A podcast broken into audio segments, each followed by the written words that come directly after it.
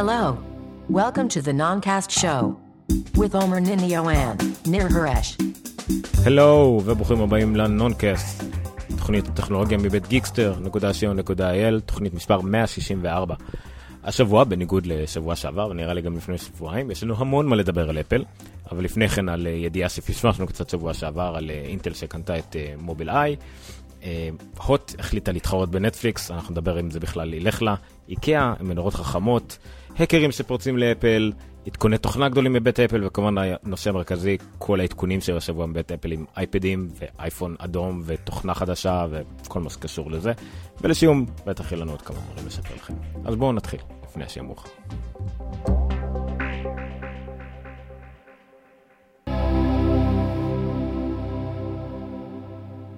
זהו. בפרק הקודם לא דיברנו על אפל בכלל, נכון? אני כמעט בטוח שכן. היה איזה ידיעה קטנה נראה לי, או משהו כזה, וכדרך אגב, לא היה. כן, הדברים שאמרתי שבסוף יהיה לנו מה לשפר לכם, זה בעיקר דברים שעומר בזבז עליהם הרבה כסף. אבל יש משהו אחד חינם. אבל... זה יש כל שבוע. כן. טוב, נתחיל ממה שנקרא בקטנות, אה, כולל follow-up היסטרי, משהו. לא היסטרי, בכלל לא היסטרי, אבל פשוט זה נורא שעשע אותי. אז אני, אה, נו באמת, אז אה, בניגוד לבדרך כלל, רגע, יש לי TheMarker לא עובד עם חוסמי פרסומות, בסדר. אז אה, בניגוד לבדרך כלל, אני כן מפרסם משהו מ TheMarker. אם הם ייתנו לי לפרסם אותם, תודה רבה באמת. מה? אבל חסמתי לכם פרסומות. כאילו, חסמתי את החסימה של... לא משנה. טרסייט. אולי תדבר תוך כדי שאתה... אני מנסה, אני לא, כאילו, אין לי על מה לא לדבר, כי אני-. כי אני לא זוכר. אני רק... קיצור, רוברט מרדוק. רוברט מרדוק הוא, אה, איש מאוד. סנסציוני, אה, והוא אה, איל תקשורת, נכון אפשר לקרוא לזה? כן. זהו. אז הוא קנה מניות של, איך קוראים לחברה הזאת? אתה זוכר? האם הבחורה יפה. שזה בערך כל מה שיודעים על ה... על ה... אתה- זה. מנכ"לית נורא יפה. טוב, שמע, זה מדהים. דה מרקר חסמת, כאילו ביטלתי את החוסמי פרסומות, סליחה שאני הופך את זה לנושא. אוקיי, יש לי את האצבע למעלה הירוקה הזאת מ-Adblock, אה, אפילו מגוסטרי, זה בסך הכל זה כאילו כזה שחושם סקריפטים, לא ממש פרסומות. גם כן, לא, לא עובד בכלל ולא לא עושה כלום. ועדיין, הם מראים לי את אתר דה מרקר חסום לפרסומות. זה פשוט למה לא אוהבים מדהים. אותך? עומר, זה. הקטע הכי משעמם שהיה אי פעם בתולדות כן, העולם התקשורת, מה הלוואי והייתי יודע- את זה קודם. הלוואי והייתי יודע את זה אז קודם. יאללה, תעבור לכתב. בקיצור, הוא, יש את החברה שהם היו אמורים לעשות... אה, הצלחתי. אליזבת הולמס, קוראים לזה טראנוס, החברה שהייתה אמורה לעשות את בדיקות הדם המהפכניות, אה, שבדיקת דם פשוטה בבית הייתה יכולה לגלות הרבה על מה שאפשר לגלות על בן אדם, נכון? נכון. זה אחד מ... כאילו, זה לא בדיוק פירמידה, אבל זה נהיה מין אה, פרויקט לא יאומן שמכלכל את, עצ... את עצמו, זאת אומרת, כל כך הרבה אנשים השקיעו בגלל האבטחה, ואנשים שהשקיעו כבר רצו להשקיע עוד ושכנעו עוד אנשים להשקיע כי לא רצו להפסיד את הכסף. זה בערך קורה עכשיו עם... אה, ובינתיים מאחורי הקלעים לא היה שום הוכחות קונקרטיות לזה ש... שיש שם משהו אמיתי באמת, שהוא... היה דיבורים מעולים, ו... ובחורה שכנראה משכנעת היטב, אבל uh, בסוף התברר שאין מאחורי זה כל כך הרבה. זה מאוד. דומה עכשיו למה שקורה עם, ה... עם החברה שאמורה לעשות מהפכה במצלמות תלת מימד ו-VR לבית, אה, שכחתי איך קוראים להם, אה, שגם כן אף אחד לא ראה המוצר שלהם עובד, אבל כולם מתלהבים להשקיע בהם. כן. אה, אני אזכר אחר כך איך קוראים להם בטח. בקיצור, רוברט מרדוק השקיע 125 מיליון דולר ברכישת מניות, ועכשיו מכל מיני סיבות, בין היתר בגלל אה, אפשרות שהוא לדווח כהפסד, הוא מכר את כל המניות שלו בדולר. אז זה היה פשוט סימן uh, מאוד uh, יפה. הנה, אנחנו, לא סתם אמרת, האם הבחורה היפה, אמנם אתה יצאת טיפה לסקסיסטי, אבל uh, אבל במקרה יפה. הזה, זה גם לא רחוק מהמציאות, כי זה. גם, זה היה חלק מהמהות של כל, ה... כל השערורייה הזאת, אפשר להגיד. הדיחו אותה ברמה שהיא אפילו לא תוכל לכהן יותר בתחום או משהו כזה. היה איזה משהו קיצוני, אז זאת אליזבת- אליזבת- כי- אליזבת כי- הולמס. כי זה הגיע למקום של חשד לשחיתויות אמיתיות, לא לסתם... אה, כן. לא עמדנו ביעדים כסטארט-אפ. זה, אז היא הגיעה למצב שהיא שווה 4.5 מיליארד, ומיליון תחקירים, הרגולטורים חקרו את זה. לא חסר פה בלאגנים, 340 עובדים פוטרו, אסרו עליה לנהל מעבדה רפואית במשך שנתיים לפחות, והיא הייתה אמורה להיות סוג של גאון סטיב ג'ובזי כזה. נו טוב, נו טוב. הכי יפה שאהבתי שהפרסומות חסמו לי את האתר הזה, אבל Mhm. הגעתי אליו דרך פרסומת, שהם כאילו מממנים, Outbrain. אז כאילו, חתיכת... אה, אה, זה לא משנה, בסדר. לא, סיטואציה משעשעת. anyway, אז זה היה פולו-אפ מה שדיברנו עליו כמה פעמים. זוכר שבהתחלה דיברנו עליו, אני חושב שאפילו התוכנית הזאת התחילה מספיק על מוקדם? שדיברנו על זה בהתלהבות אמיתית, כאילו. נכון? החברה הזו. כן. כן, כן, כן. 2013, 2014, מה שהתלהבנו היה ממנו. שלב שהם נחשבו באמת להדבר הבא, היא נחשבה לדבר הבא, ובאמת השקיעו בהם הרבה רבים וטובים, מה שנקרא. טוב, אז לפחות אנחנו לא השקענו כסף, השקענו קצת יותר מדי זמן ממה שמגיע לחברה הזאת, אבל uh, הנה, בסדר, כל דבר, uh, כל קל ביזי יומו. Uh, אוקיי, הידיעה השנייה, הידיעה הבאה, uh, זה מה שפספסנו, וזה ידיעה כמובן מה... אולי הכי חשובה שהייתה בתולדות הכלכלת בביצה ישראל. המקומית. כן, מכל מיני סיבות. אה, אז אינטל מאשרת את חשיפת, הכותרות הרי התחלפו איזה 14 פעם, מאז שבפעם הראשונה עשיתי paste לכתבה הזאת, כן? אה, עכשיו הכותרת היא, אינטל מאשרת את חשיפת TheMarker, תרכוש את מובילאיי ב-15.3 מיליארד דולר. אה, וגם ה byline זה העסקה הגדולה בתולדות המשק הישראלי. כשאני קראתי את הכותרת, הכותרת הייתה העסקה הגדולה בתולדות ההייטק הישראלי. אז שינו את זה לעסקה הגדולה בתולדות המשק הישראלי. את ועכשיו זה כאילו המשך. באיזה 4 מיליארד, שהיה נחשב עד לא מזמן הדבר הכי מדהים שקרה אי פעם בהיסטוריה. נכון, אחרי זה היה עוד משהו, אה, אבל איסקר זה לואו-טק, זה לא הייטק. נכון. אה, לא, בגלל עוד זה נהיה משק. כן, זהו, בגלל זה זה נהיה משק, זה כאילו אמרו, כאילו אמרו, "אה, זה הייטק, בטוח היה משהו יותר גדול. ולא, לא היה משהו יותר גדול. ההייטק עכשיו הוא סופית אה, שיאן העסקאות אה, במדינה. אה, 15.3 מיליארד דולר, שזה המון, אני לא חושב שמישהו אה, מהם חלם שזה יגיע למצב הזה. אה, וזה תמיד מוזר שאנחנו שומעים על ידיעות כאלה באתרים אמריקאים, אז כל האנשים לשבור את השיניים על השמות שלהם. זיו אברהם, אה, פרופסור אמנון, ששיש, ש... ש... שעשוע, כאילו, זה היה נורא משעשע. אבל לא שאני יודע להגיד שעשוע כל כך טוב, כן? זה סוג של אה, אמריקאי במובן הזה. כן. בקיצור, זה חתיכת משהו אה, מופרע לחלוטין. למובילאיי היה רק 600 מיליון דולר במזומן. הם היו שווים, אה, אה, נסחרו לפי 10.5 מיליארד, זאת אומרת, אינטל משלמת 35% יותר. מובילאיי כמובן זינקה בטירוף מיד אחרי זה.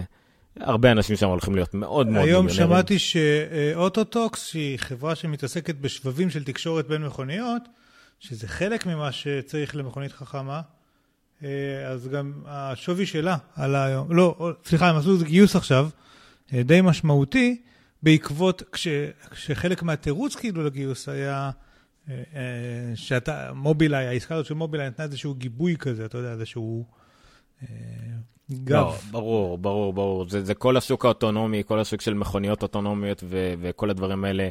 אם עד עכשיו הוא היה בשוק של uh, קפיצה מסוימת בגלל טסלה, בגלל אובר, בגלל שגוגל כמובן, והשמועות על אפל, עכשיו שאינטל החליטה שהיא הולכ, לא הולכת לעשות את uh, הטעו, אותה טעות שוב עם, שעשתה עם מובייל, נכנסת חזק לתחום העניין של uh, רכבים אוטונומיים, והרכישה הכי גדולה שהייתה בתחום הזה, לא היה, גם לא גוגל, אף אחד לא עשה רכישות כאלה. אז היא בח... ללא ספק אה, הקפיצה את כל השוק הזה יחד איתה, הכל נהיה פתאום הרבה יותר רלוונטי, הרבה יותר קרוב, כולם פתאום עוד יותר מדברים על זה. אם עד עכשיו רק החובבי טכנולוגיה דיברו על זה, אנחנו כבר הרבה יותר, אנחנו עם ניסיון בזה, אבל כולם פתאום התחילו לדבר על זה. פשוט דברים אה, מופלאים. כבר הרבה זמן אני. אומר, אם, אם יש טכנולוגיה שאין לי שום ספק שתהפוך להיות משהו מאוד משמעותי, זה מכוניות אוטונומיות. נגיד, אני לא יודע להגיד את זה על VR, AR וכל מיני דברים באותה מידה. אבל מכוניות אוטונומיות אני לא חושב שיש ספק, והיום אני פתאום חשבתי על מה הטכנולוגיה הבאה שאני די משוכנע שאין ספק לגביה. זה בשר מלאכותי. כאילו, כל יום יש איזושהי עוד כתבה על עוד איזה המבורגר ועוד איזה שרימפס ועוד איזה עוף שהצליחו לעשות במעבדה. אין לי שום ספק שלא רחוק, 15 שנה מהיום, ככה נאכל בשר. ייעלמו כל המאות אלפי ראשי בקר שיש בארצות הברית שם. שזה טוב אגב, כי זה בעיה מאוד קשה לאיכות הסביבה, כל מה שקשור לגידול בשר. אבל זה, זה נראה לי השוק הבא. לא יודע הגעתי לפרות ממובילאיי. לא, זה חשוב לחשוב על העניין הבא. מי שרוצה קצת להיכנס יותר לעומק, ואני מודה שאני שמעתי את הפודקאסט ועוד לא קראתי את הכתבה של אה, Stratechery של בן תומפסון, אבל הוא משתמש באינטל מובילאיי וכל הדברים האלה כדי להעלות תיאוריה שנקראת של smiling curves, כאילו עקומת חיוך, אה, שבין היתר... אה, אפשר לרדת פה לאיפשהו אפשר לדבר על זה, שבצד אחד מבחינת הערך מוסף יש ל... לכל החברות שמפתחות נהיגה עצמאית, בצד השני של, של הזמן יש את ה... מי שיענה מזה, בעיקר זה כל החברות של, אם אנחנו מדברים, בואו נדבר על זה בתכלס. הרכב, רכבים אוטונומיים יעזרו לנו אולי בתור בני אדם, כי נוכל לנסוע פחות, אבל לא זאת המטרה. המטרה שאם אפשר לראות לפי הגרף הזה, בסופו של דבר, זה החברות שיתוף אה, נסיעות. אם זה אובר כן, או מי שלא יהיה אחר כך. באיזשהו, בקיצור זה שזה מודל עסקי שבו אין טעם להחזיק אותו. אין נכון. למה, כאילו, זה, אנחנו נפתח את אפליקציה כמו גט כזה, נגיד אני רוצה להגיע משם לשם, פשוט יגיע אוטו ויקח אותנו, בלי נהג, בלי כלום, בלי בלאגן. אין שום סיבה שזה לא, אין, למה להחזיק אותו? מה שיפה בגרף הזה, מה שיפה בגרף הזה לראות, שכביכול בהתחלה הערך של יצרני מכוניות בפועל מאוד גבוה כשכל הם משקיעים ב self driving והכל, עם הזמן, ככל שהמכוניות האוטונומיות כאילו התבגרו, הערך של המכוניות, של יצרני מכוניות יורד. אבל עם הזמן הם יבינו את הקטע וישתמשו בזה, כי לא משנה מה, אפילו אם יהיה מכוניות אוטונומיות, כל מכוניות עדיין יהיו, הם ישתנו בהתאם, והערך שלהם יעלה חזרה. אז שווה לקרוא את כל הכתב הזאת כדי להבין את זה, אבל uh, um, זה הרי כל, כל הקונספט של מכוניות הולך להשתנות לחלוטין, ואני שמעתי את זה, אני חושב, ממישהו אפילו שלא באמת בתחום הזה, אבל, אבל על, על המחשבה הזאת של, שאת מחלחל לאנשים שרכבים 95% מהזמן לא עושים כלום. זה לא הגיוני בימינו. אנחנו דיברנו על זה לפני, לדעתי, יותר משנה, על איזושהי כתבה נהדרת שהראתה איך אה, מכוניות אוטונומיות אמיתיות, כאילו, באמת פולי אוטונומיק וגם כל הכביש אוטונומי, זאת אומרת, כל המכוניות האחרות על הכביש, תחשוב על זה, לא צריך אה, פנסים. לא למכוניות ולא לכביש. לא צריך תברורים, לא צריך רמזורים, לא צריך uh, את כל התשתיות האלה, והיעילות שלהם עדיין צריכה יכולה להיות כזאת, בגלל שהן מתקשרות אחת עם השנייה, שבגדול הן עושות 130 קמ"ש מרווח של 5 סנטימטר אחת מהשנייה ואין תאונות. Uh, אין פקקים. Uh, בגלל היעילות הזאת, ובגלל שבאמת על צי הרבה יותר קטן אפשר לשנע את אותה כמות אנשים, uh, אז אין, אין לחפש חנייה אגב, תחשוב מה זה, אין חניות. הקונספט של חנייה נעלם, כי האוטו לא עומד. אמ, אולי אתה יכול לעשות כל מיני חניונים כאלה, האבים מחוץ לעיר, שאני לא יודע... אבל באמת כל עולם התחבורה משתנה, וההשלכות על זה, הכלכליות, יהיו עצומות, עצומות, עצומות. ולכן אין, אין שום ספק שזה מגיע. זה, זה רק שאלה של איך, מתי, מי, אבל לא, לא אין ספק. אה, זהו, זה שוב, חוץ מהנלהבים לדבר, זה... אני... אנשים כאילו מצד אחד, היה ראיון עם, אה, עם איזשהו נציג ממשל אמריקאי שגם היה בוועדת טכנולוגיה, שאמר, מה, אנחנו, אנחנו, זה לא משהו שצריך להדאיג אותנו בשלב הזה, אנחנו רחוקים כמה עשרות שנים מזה. ואז יש ידיעה על רכב אוטונומי של אובר, שהיה מעורב בתאונה והתהפך. אה, נכון. דרך אגב, לאובר לא הולך כל כך. כן, רק הקטע הוא שזה לגמרי צירוף מקרים, כי במקרה הזה המכונית של אובר לא הייתה אשמה בכלל. והרכב השני לא ציית לתמרור זכות קדימה וכל מה שקשור לזה, זה רק מחזק כאילו את העבודה. זאת אומרת, אם הנהג השני היה רכב אוטונומי, זה בחיים לא היה קורה. זה היה טעות אה, אנוש. כן, זה נכון. אבל אה, כן, אובר בכל מקרה, כן, זה בלי קשר גם אם זה היה... פסנתר היה נופל על המכונית, היו מאשימים את אובר. לא, אובר באופן כללי גם בתקופה עכשיו, הרי יש שם איזה מנכ"ל שעזב, אני לא יודע מה, עובר עליהם. מנכ"ל עזב, עלה שערורייה של חבורת אה, ההנהלה שהייתה בדרום קוריאה, בבר קריוקי, שהיה יותר בר חשפנות, שהיה יותר בר אה, זנות, אה, והם הלכו לשם כביכול עם אחת הבחורות, והיא הלכה לשם עם המנכ"ל. קיצור, היה שם סיפור, זו פשוט חברה מסריחה כאילו ברמת האנושות, רמת ה HR, פשוט נוראית, כאילו. כן, היה לפני זה את הפו- את הבלוג פוסט של הבחורה שעובדת שם, כן, שהתייחסו אליה כן. כמו אני לא יודע מה. הכל התקשר לזה, זה אובר, אובר זה נושא באמת כאילו כבד, ו... אבל כל כך לא רלוונטי אלינו, כאילו, ב... זה לגמרי, האובר הישראלי לא דומה בכלל לאובר האמריקאי, ולא בכלל אותם לא, יעדים, גם לא קשור אנחנו. מדברים שם יותר על פוליטיקה מאשר על טכנולוגיה, וזה לא התוכנית. הזאת. בדיוק. אה, איזה פוליטיקה של נשים בהייטק, אבל בסדר. אה, קשור, לא קשור מספיק, נקרא לזה ככה. ידיעה נוספת הפתיעה אותנו אתמול, האמת. אה, הוט מחליטה להתחרות בנטפליקס, ומשום מה לא החליטה לקרוא לשירות שלה הוטפליקס. אם כבר לחכות, אז עד הסוף. אבל uh, בסדר. יש להם כבר הוט נט, אז יוכלו הוט נטפליקס, לא משנה. איכשהו בטח יכלו לצאת מזה עם איזושהי trademark, אבל בסדר. Um, הם משיקים אפליקציה בשם Next TV, אוקיי? מה זה עושה? זה, זה יפה שיחסית דיברו על זה הרבה מאוד לאיזה כמה שעות, ולא שמעתי על זה כלום היום, למשל. לא יודע נכון. איפה זה נעלם. בקיצור, יש זה להם אפליקציה... כבר האח הגדול. כן, אה, זה גם נכון. אנחנו, זה מסורתית נראה לי שאנחנו עושים uh, תוכניות שלנו על גמרים מאוד גדולים. כן. זה כמ- כמעט כל uh, זה. מזל שלא פרסמנו את התוכנית הזאת בפייסבוק, כי אף אחד לא רואה גם ככה. אבל בסדר. אז הוט השיקה מותג חדש, Next TV, אומרים שיושק בשבוע הבא, אני הבנתי שזה בכלל יתחיל לעבוד רק במאי, אבל ניחא. זה שירות לא קשור לחבילת כלב, כלבים שלהם, נגיד, חבילת כבלים שלהם, בסדר? אה, חבילת כבלים שלהם, אתה לא צריך להיות מנוי שלהם, אתה לא צריך להיות שום קשור אליהם, זה כאילו חבילה נפרדת לחלוטין, נקרא Next. מציעים למעשה שתי, אה, שתי חבילות, אחת חבילה ישראלית, אחת חבילה בינלאומית. ובחבילה הישראלית, למשל, מציגים את כל התכנים של הוט. אני לא הצלחתי להבין עדיין אם יהיה להם גם, נגיד, תכנים אה, מערוץ חבילה 2, אחת ערוץ היא- 1, אה. ערוץ 10. אה? לא, לא, לדבר על כסף, אני מניח שאתה מתכנן להגיע לזה עוד מעט. אז אני לא, לא יודע אם זה עדיין, זה כולל את אה, כל מיני תכני VOD, מה שנקרא, מערוץ 2, 10 ו-1, זאת אומרת, אה, אה, תוכניות עצמאיות, אבל אה, למרות שיש חלק מהן הן תוכניות שמשלב, שהן גם של הוט וגם של נגיד ערוץ 2, אבל בסדר. אה, אבל זה יהיה בעיקר התוכניות של הוט, כל התכנים הזה שלהם מ... אה, אה, נו, זגור אימפריה ואספור, ועד הדברים היותר חדשים, כמו מטומטמת, אורי ואלה, מעולה, שראיתי פרק אחד, אבל מעולה, אנחנו במפה, בתולות וכל זה. אה, אבל, הנה, זה כבר אה, פה מי שאני יכול להראות את זה, חבל, כי יש להם, לפחות בלוגו הם השקיעו. בואו נראה. אז הקוויאט, ה- אה, מה זה קוויאט? חור? חור בשן? לא יודע איך כן. לתרגם את זה לעברית. אה, הכי חמור של העניין הזה הישראלי, התכנים הישראלים יעלו רק חודשיים אחרי סיום שידורם ב-VOD הרגיל או בהוט הרגיל. שזה לא כל כך מובן לי. יש פה, שאלו אותם, והטענה היא ש... לא פה אני חושב, אבל הטענה היא שהתוכניות האלה מוקרנות תוך כדי שמופקות או נערכות, אז הם לא יכולים כאילו להציע את כל השדרה בבת אחת, אלא רק חודשיים אחרי, מה שלא מפריע להם. כאילו אומרים שהם מחו"ל מקבלים את התכנים במלואם, אז הם יכולים לשדר את זה בצמוד. טיעון ממש לא הגיוני, אבל בסדר. ויש גם חבילה בינלאומית נפרדת, שהיא אה, תכלול את כל התכנים הבינלאומיים של, לפחות ממה שנראה מהתכנים פה, זה Westworld, זה תכנים של HBO, משחקי הכס וכדומה. מה שאין באף אחת מהחבילות האלה, אין תכני ילדים בכלל ואין תכני ספורט בכלל.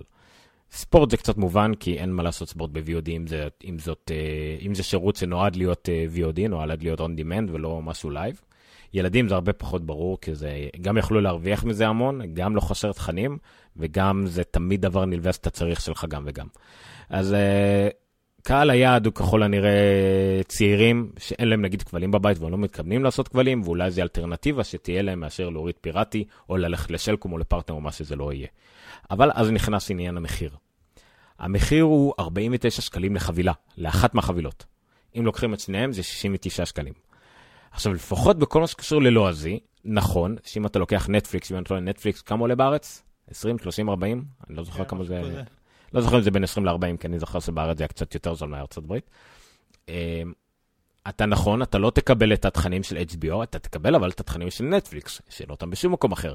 תקבל קטלוג אחורה עצום, ענק לעומת מה שיש פה. הם אה, כתבו פה, אם אני לא טועה, משהו כמו 2,000 שעות שידור יש להם.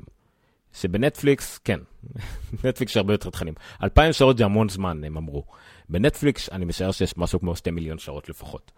אז זה עדיין מבחר ודברים שהם לא יכולים להתחרות מהם, אבל בסדר. לאם הישראלי, לצערי, נכון, אין מה, אין מה להתווכח, אין מה להתחרות, למרות שנטפליקס גם כנראה עכשיו תתחיל לרכוש תכנים ישראלים.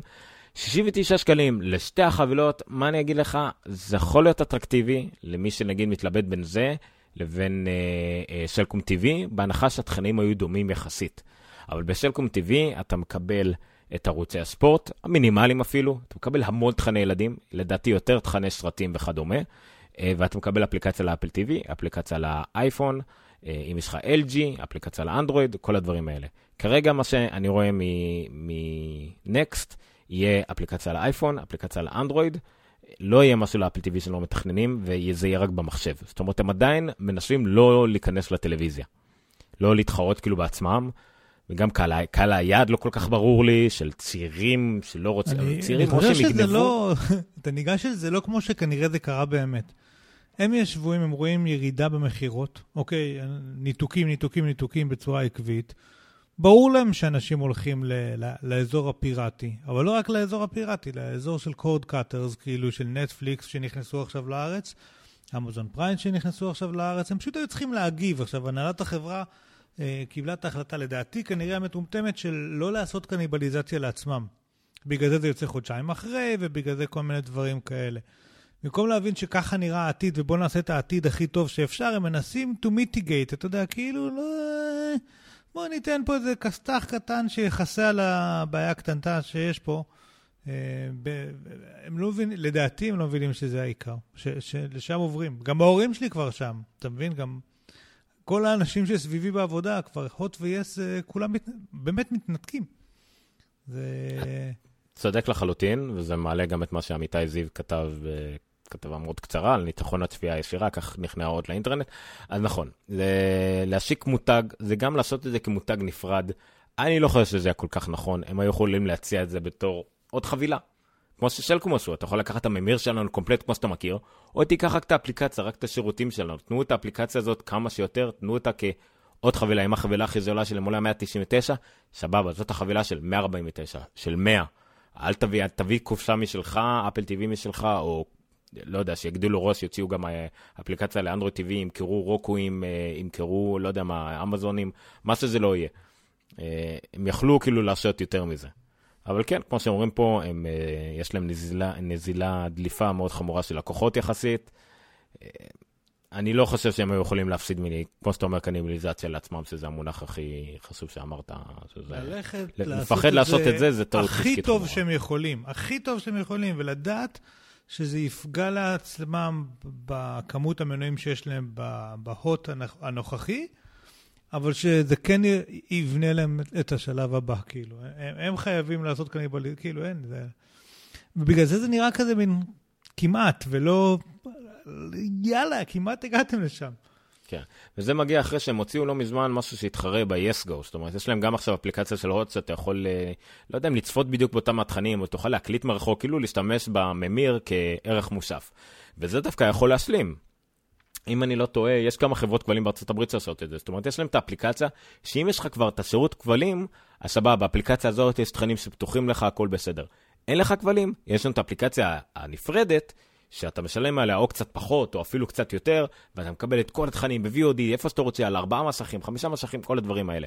והם יכלו לחשוב על רעיון יותר טוב מאשר להוציא מין מוצר כזה, מוצר קליים, לא מספיק טוב לכאן ולא לכאן, אבל טוב, כמו השורה התחתונה פה, בשורה התחתונה זה עוד תחרות. ואם נראה את פרטנר נכנסת אה, בשנה הבאה, אה, ויש מנסה גם כן להתחרות, למרות שיש לה צרות משלה בגלל שיש לה את בזק על הראש, אז זה יהיה קצת, אה, יהיה פה תחרות טובה. לדע, אני מאוד מקווה שהתחרות תלך בעיקר, בעיקר להיפטר מקופסאות, להיפטר מממירים נוראים, ולהשתמש בכלים ש... שיש בעולם הפתוח, זאת אומרת, החל מלעשות אה, Cloud DVR. אוקיי, בוא, למה שלא להוט, סליחה, בוא נלך ל-yes, אוקיי, בוא נלך ל-yes, סתם רעיון. yes, יש להם את בזק. אם בזק תחליט לפתוח את השיבר ולעשות לאנשים אפלוד נורמלי, והרי לבזק זה לא בעיה לך לעשות את זה, הם יכולים לעשות חבילה מדהימה. תירשם אלינו לבזק לחבילה של לא יודע 100 על 100. ל-yes, עזוב אותך מהממיר המסורבל שלנו, שאתה צריך לחרות לכל, קח אפל TV, או קח את הממיר החרדה שלנו, לא צריך ארדיסקים, הכל נשמר לך בענן. DVR בענן, ואתה יכול לצפות את זה מכל מקום, ללכת עם התוכן שלך לכל מקום. כן, יש לך יס, יש לך לוויין, אבל עזוב את זה, יש לך אינטרנט. או גם פרטנר תעשה את זה, גם פרטנר עם הסיבים האופטיים שלה, שדיברנו שבוע שעבר, יכולה לעשות את זה. יש כל כך הרבה כלים, ואנחנו מדינה שכל כך יכולה לעשות את זה עם קהל, נראה לי, פי כמה וכמה, למשל, הרבה יותר uh, פתוח מארצות הברית. תראה את כמות הקודי שיש בארץ יחסית. לדעתי קודי מתחרה בסלקום TV בכמות המנויים. יש לפחות 100-150 אלף אנשים עם קודי בארץ, לפחות. זה אנשים שבכיף, לדעתי, לדעתי, תן להם 50 שקלים, 100 שקלים לשלם בחודש, היו עוזבים את זה כדי שיהיה להם את הכל מוכן. אמ, אבל בסדר, בואו בוא נקווה, אנחנו עדיין בחיתולים של זה, אמ, אבל אה, זה עוד צעד, צעד לא אטרקטיבי לדעתי בכלל, אבל עוד צעד. לא, שוב, כמו שאמרת, מוסיף תחרות, על זה אין בכלל שום ספק. אה, אני גם חושב, דן קרלין תמיד אומר את זה בהקשרים אחרים, לפעמים הדיון הוא העיקר, או כאילו נפרץ פה איזשהו סכר. יש צריכים להגיב לזה, נכון? הם לא כן. לא יכולים להישאר עכשיו אדישים. אז כאילו, זה, התחיל, התחיל השיחה פה. אז, אז התקדמנו, זה כנראה שלב ביניים, אבל ללא ספק שוק הטלוויזיה בישראל משתנה, כן? תחשוב שיש לך דבר כזה. דרך אגב, שוב פעם, נטפליקס של היום יש בו כמות תוכן בארץ, בלי שיש לך את התכנים האמריקאים. כמות תוכן פשוט עצומה, מלאה, והרבה סדרות, מקור, חדשות, מתעדכנות, באמת, נטפליקס לבד, אה, פלוס יוטיוב למוזיקה ועידן פלוס נגיד, שהיום סמארט אה, טיוויז מגיעים עם זה בילט אין וכל מיני כאלה. מה עוד, מה עוד אתה צריך? כמה זמן יש לך בחיים כדי לראות יותר מזה, כאילו? נכון. ושוב, הדיון הוא תמיד יהיה למשל, אה, וואי, שמעת על השירות החדש של הוט ונקסט? אתה אומר לו כן, אבל מה אתה אומר על סלקום? או אתה יודע, ברגע שאתה מדבר על אחד והשאר עולים לדיון, אז כולם מרוויחים בסופו של דבר. ובתקווה כן. שהטוב ביותר ינצח, זה מה שאמור לקרות בסוג תחרותי. כן. הנושא הבא, משום מה עניין אותך מאוד, אה, ויכול גם לעניין את שאר העולם, אני לא יודע פשוט לאיזה כיוון זה ילך, אז נדבר עליו. איקאה. רגע, איפה אנחנו? אה, איקאה? איקאה, כן. אני אגיד לך למה זה עניין אותי. איקאה הכריזו על איזשהו קו של אה, נורות חכמות. אה, תאורה חכמה, אוקיי? אה, עד היום היה לנו אה, Philips Hue, נכון? ככה קוראים לזה? הוא היה, נראה לי, ה leading בתחום הזה, אבל זה היה אקזוטיקה לגיקים ומוצר פרימיום.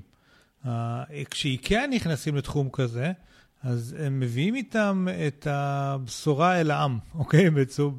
אני, אני עוד, לא, עוד לא ראיתי יותר מדי details, אבל יש פה כל מיני מחירים של... אה, דימר עולה 20 דולר, ויש לך נורות, אה, סט של שתי נורות, כאילו המחירים הם יותר נגישים וגם, אתה יודע, זה מגיע עם הוראות של איקאה, זה אומר שההורים שלנו יכולים אולי לעשות את זה, להשתמש בזה, שבעיניי זה מרתק. זה, אה,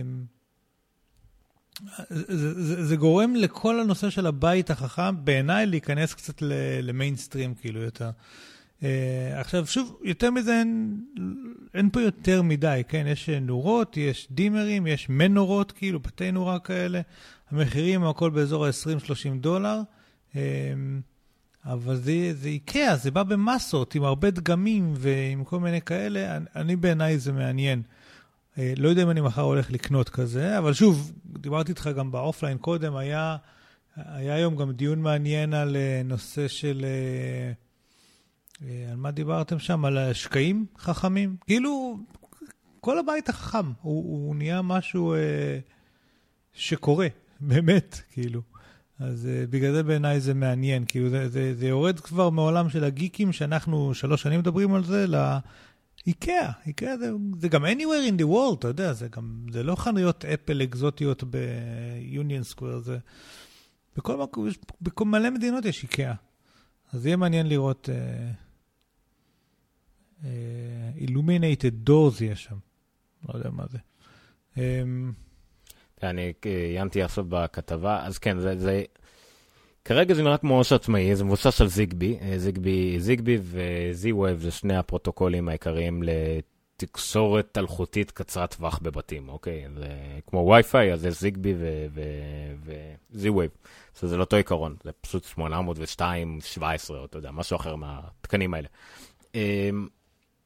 וזה נראה כרגע, במיוחד אם זה מבוסס על זיגבי, שזה גם יהיה תואם עם כל מיני האבים וברידג'ים אחרים. זאת אומרת, אה, לא יודע אם איקאה יסגרו את זה, אבל אין שום סיבה שההאב של פיליפס לא ידע לדבר עם זה, או כל מיני כאלה שהם אה, כמו אוניברסליים, אה, כן. של טיפי-לינק וכל מיני כאלה יוכלו, יוכלו לעבוד עם זה. מחירים סבירים, קצת יותר זולים, טוב, זה בקרונות, כן? אז אני לא יודע איך זה יתרגם לדולרים או לשקלים, אבל לפחות מה שאני מכיר מהמחירים שלי יהיו קצת יותר זולים מפיליפס יהיו למשל, קצת יותר יקרים הם ממש הפוסטים.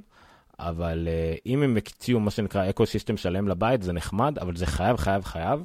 וגם עכשיו אני כמעט קניתי מצלמת uh, בית, אז אמרתי, אני לא הולך לקנות משהו שהוא לא, לכל הפחות יש בו מספיק תמיכה ב-IFT, ב-IFTTT. הומקיט אמנם אין כרגע יותר מדי מצלמות בהומקיט, אבל משהו כזה, לפחות אלקסה או גוגל הום, או משהו שאני יכול לבנות עליו בעתיד של אה, יהיה לי איזושהי שליטה עם דברים אחרים.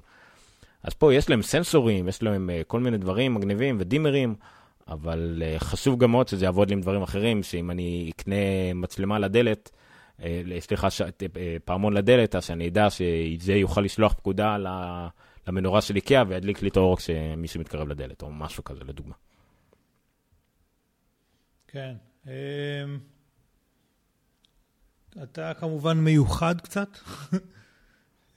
לא, לא כולם חושבים על ליפט, אבל אה, כן, אתה צודק לא בגדול. זה לא הליפט, זה לא הליפט, זה בכלל חיבור החוצה, בגלל זה הבית החכם כמו של הדיגיטל הוא... לא שהוא כושל חס וחלילה, אבל הוא נורא נורא שגור. זאת אומרת, אם אתה קונה אותו, זה כל מה שיהיה לך וזה כל מה שתעשה. אם אתה תרצה אחרי זה לשלב עם מוצר אחר שבא בשוק, אז תקנה, וואי, יש לי סירי, למה זה לא עובד עם סירי, או כל דבר אחר, אין אפילו אפשרות כזאת, אפילו לא בצחוק.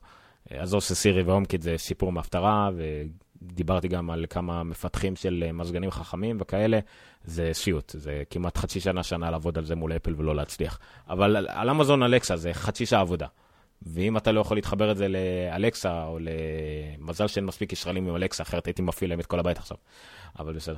אה, אז זה, קצת כאילו מיותר, זה, אתה לא קנית שום דבר ממתג אה, משוכלל. זה כמו הקלפ און קלפ אוף של פעם, זה לא באמת כאילו... אתה צריך שזה יעבוד עם דברים אחרים. אוקיי. ונעבור בתרועה חגיגית, שאין לי כוח להפעיל אותה פה, כי יש פה בטח איזה תרועה חגיגית, לקצת מדור אפל. זה לא ממש הנושא המרכזי, אבל עדיין כמה דברים טיפה על אפל. הרבה חדשות אפל. אה? יש הרבה חדשות אפל, אל, אל תכחיש.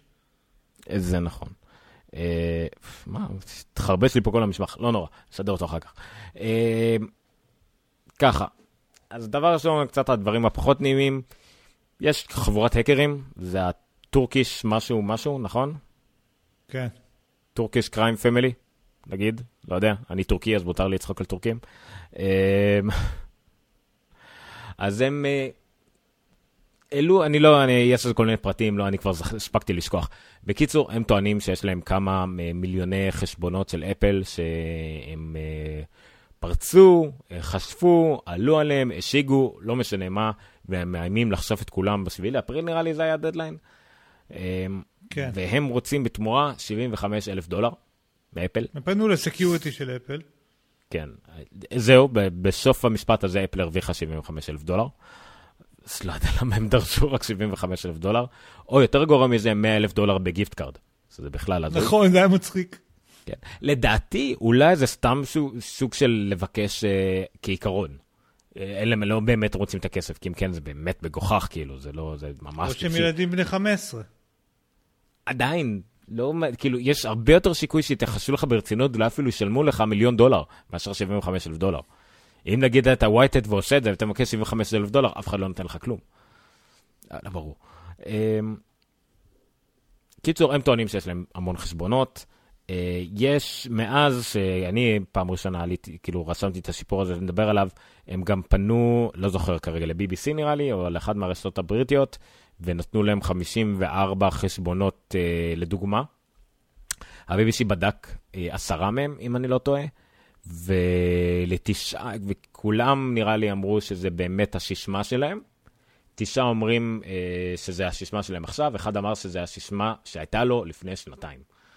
Mm. ואחרים אומרים שזה נכון, זה ששמה שלהם, והם לא החליפו אותה, נגיד, שנתיים. אז כן. אה, איכשהו סתם, לפחות מה... מאגר ישן, כאילו. כן, מהסמפל הזה זה סוג של מאגר ישן, אבל, אבל, אבל, מאגר אמין. אבל, אבל, אבל, שככל הנראה לא קשור בשום צורה לפריסה לאפל או משהו כזה. וזה כל פעם צריך להגיד את זה מחדש, כי כל פעם הכותרות בעיתונים אה, כמובן מראים את זה ככה. אין לזה שום קשר לאפל. כל מה שזה קשור אליו זה אנשים שמשתמשים באותה שישמע לכמה שירותים, פרצו ליאו, לקחו את המאגר של יאו, לקחו את כל המיילים והשישמעות של יאו וניסו אותם על אפל. ואם במקרה זה הצליח להם, רשמו את זה בצד, והנה יש לנו חשבון של אפל פרוץ כביכול, או חשבון אפל שנלקח והוא שם ברשימה. וזה זה, זה כאילו השורה התחתונה שכנראה מה שקרה. כל מי שיש לו two-factor authentication, זאת אומרת, כל מי שכדי להיכנס לחשבון במכשיר חדש, צריך לקבל הודעה בטלפון שלו, במכשיר אחר שלו, כל משהו כזה, מוגן ב-100%, כאילו אין, אין, שום, אין שום דרך להשתמש בסיסמה שלו, כי לא שווה כלום. מי שלא, ולא החליף סיסמה שנתיים האחרונות, אז כן, יכולים תאורטית להיכנס לו לחשבון ולמחוק דברים וכאלה. למרות שגם שם, לדעתי, להגיע למצב של מחיקה טוטאלית של חשבון, אתה עדיין צריך איזשהו אישור, אני לא בטוח, אבל בהחלט אפשר לעשות שם טרור בדברים שלך, זה לא מומלץ. ולכן הדבר הכי טוב שקרה מהשיפור הזה, זה תירוץ להשביר ולהדריך ולחנך שוב אנשים. Two-Factor Authentication. נכון, ולא להשתמש באותה שישמה לכל השירותים. אני לא מאלה שאומרים שישמה מסובכת לכל דבר, אבל בואו תעשו לכם לפחות שישמה אחת רצינית לדברים הגדולים או לכמה דברים שונים.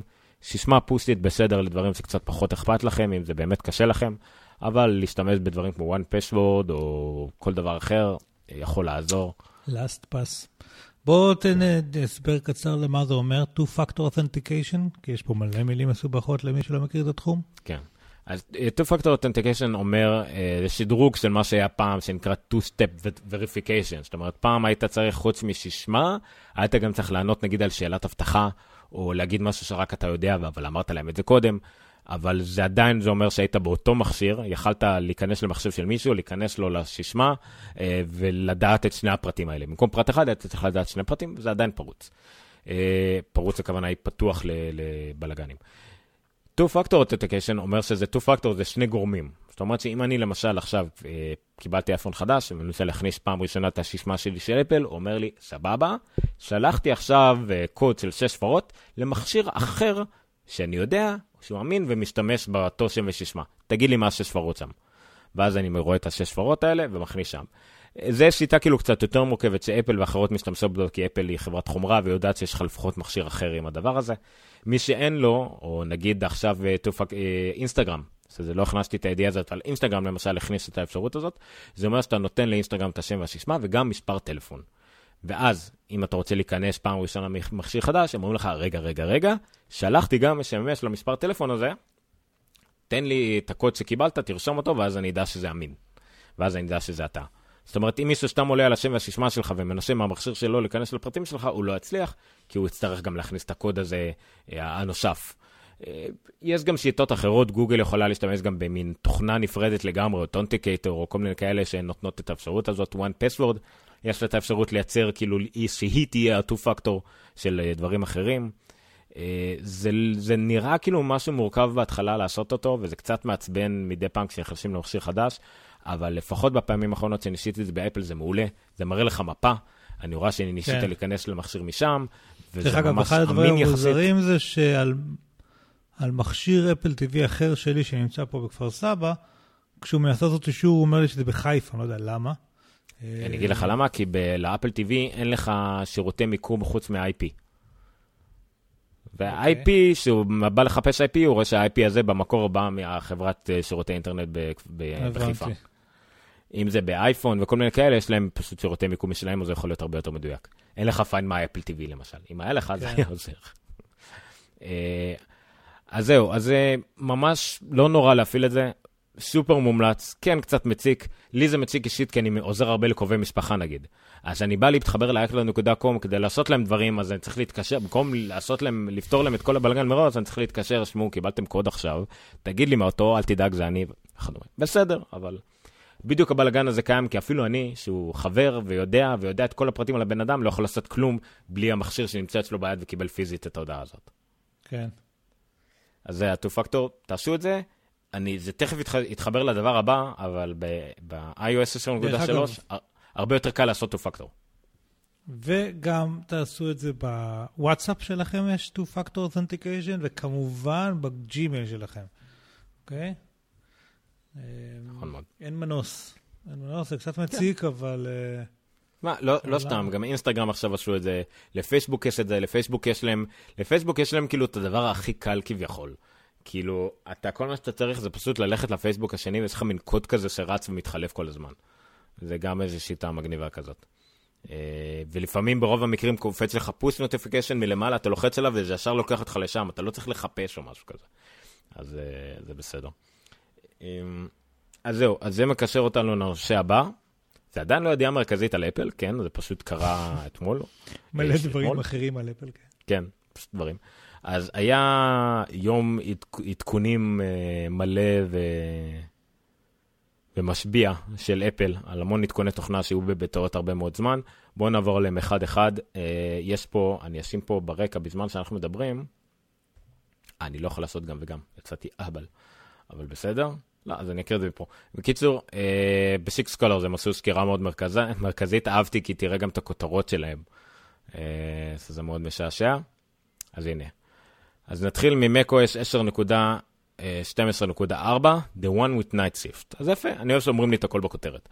כן. אז כן, אז 10.12.4, הפיצ'ר הכי שקוף למשתמשים, שיש את ה-night shift, אני לא חושב שזה מה שעושה, אתם תראו בשיתוף משך, אז אני לא אפעיל אותו.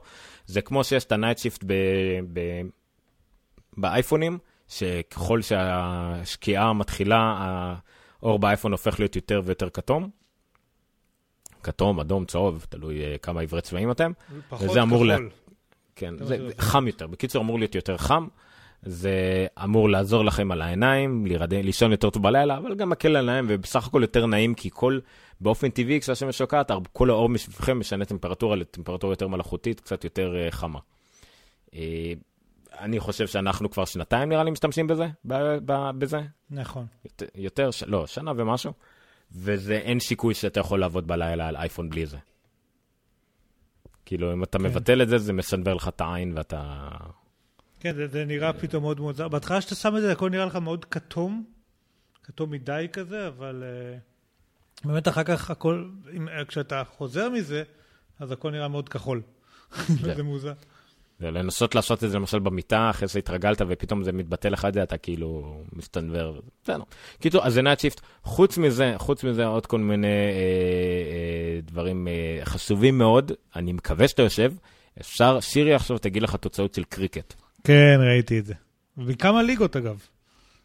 אה, כן, כי זה יותר ליגות ממה שידעתי שקיימות לקריקט, כי לא ידעתי, לא משנה. סתם, אני מחבב את הרעיון של קריקט, אבל אה, ספורט מאוד מוזר. אבל יש יותר ממיליארד ומשהו איש שמשחקים בו. דרך אגב, אני חייב להגיד שזה בעיניי בדיוק הדבר שמראה כמה סירי זה לא שווה כלום. אתה מבין, הם צריכים עדכון כזה, הם צריכים עדכון כזה, שעבר איזה כמה חודשים העדכון הקודם, כדי להוסיף עוד יכולות, ומה שהם מוסיפים זה קריקט. כאילו, סירי... אני חושב שהם ניצלו, אני חושב שהם ניצלו את ההזדמנות, זה לא באמת הם היו צריכים את זה, זה סתם ניצלו הזדמנות והם יכולים לעשות את זה. מתי הפעם האחרונה שסירי קיבלה עוד יכולות? זה לא עוד יכולות, זה, זה הרחבה של יכולות, לא יודע. נכון, זה עוד יכולות, אה, הרחבה של היכולות הקיימות. מצד שני, תכף ניגע בזה, ב-iOS וב-WatchOS הם דווקא קיבלה שדרוגים לא רעים. אמ, שזה עוד יותר מוזר. כן. ועוד משהו חשוב ב-10.12.4, שלא יודע אם תשימו לב, אבל לכמה אנשים זה מאוד מאוד הפריע, ובאופן כללי זה היה חשוב למערכת. PDF, היה הרבה מאוד בעיות עם PDF, כי בסיירה הם שינו את המנוע PDF בפריוויו. וזה ממש גרם לכמה אנשים לנטוש את זה לחלוטין, ועכשיו הם תיקנו uh, הרבה בעיות. במקרה זה קשור לאנוטציה, שעושים רישומים ודברים שמשנים PDFים. שמעתי על זה הרבה יחסית, לא נתקלתי בזה יותר מדי, כי אני לא פה יוזר של PDF, אבל uh, כן. Uh, iOS 10.3, uh, ללא ספק השדרוג תוכנה הכי משמעותי. הדבר שהכי, מה שנקרא, פתוח, ששקוף למשתמש, שהמשתמש משתמש בו, זה find my AirPods. עוד לא השתמשתי בזה, כי כן, יש לי AirPods, זה גם משהו שהשתנה משבוע שעבר, מהתוכנית הקודמת. כן, מה, תן איזה, מה, בסוף, בסוף, יש, יש לנו מדור ש, של דברים שעומר קנה. אמ, אז יש את ה-find my AirPods, עוד לא השתמשתי בזה, אבל מה שבאמת חשוב, ב... ב... טוב, לפני שנגיע, יש עוד כמה דברים קטנים. אה, ב-10.3 המפתחים יכולים להגיב למשתמשים ב-review שלהם, ב-iOS. אה, הם יכולים לעשות את זה דרך האתר, דרך ה-iTunes Connect, אבל גם עוד דבר שהתווסף, אבל הבנתי שרק לחלק מהאנשים, ש... המשתמש יכול לפתוח את האפשרות לקבל בקשות ל-reviews מהמפתחים. זאת אומרת, דיברנו על זה נראה לדעתי, שעד היום אם מפתח היה רוצה שתיתן לו review לאפליקציה, הוא היה דוחף לך איזה פוש מעצבן באפליקציה, ומדי פעם, וחלק היו עושים את זה, חלק לא עושים את זה. אז אפל עשתה מין מודל כזה שאפשר לעשות את זה עם ה-API שלה, אז עכשיו המשתמש יכול לעשות את זה לעצמו, כאילו, אם הוא רוצה לעשות את זה. אמ, הדבר הכי מגניב לדעתי שלא ציפיתי אליו, שכחתי שבכלל אמור להיות, אני יכול להדגים אותו אחר כך, שבתפריט ה settings, עשית את זה כבר? אה, שיש שדרוג? למעלה את הפרופיל שלי?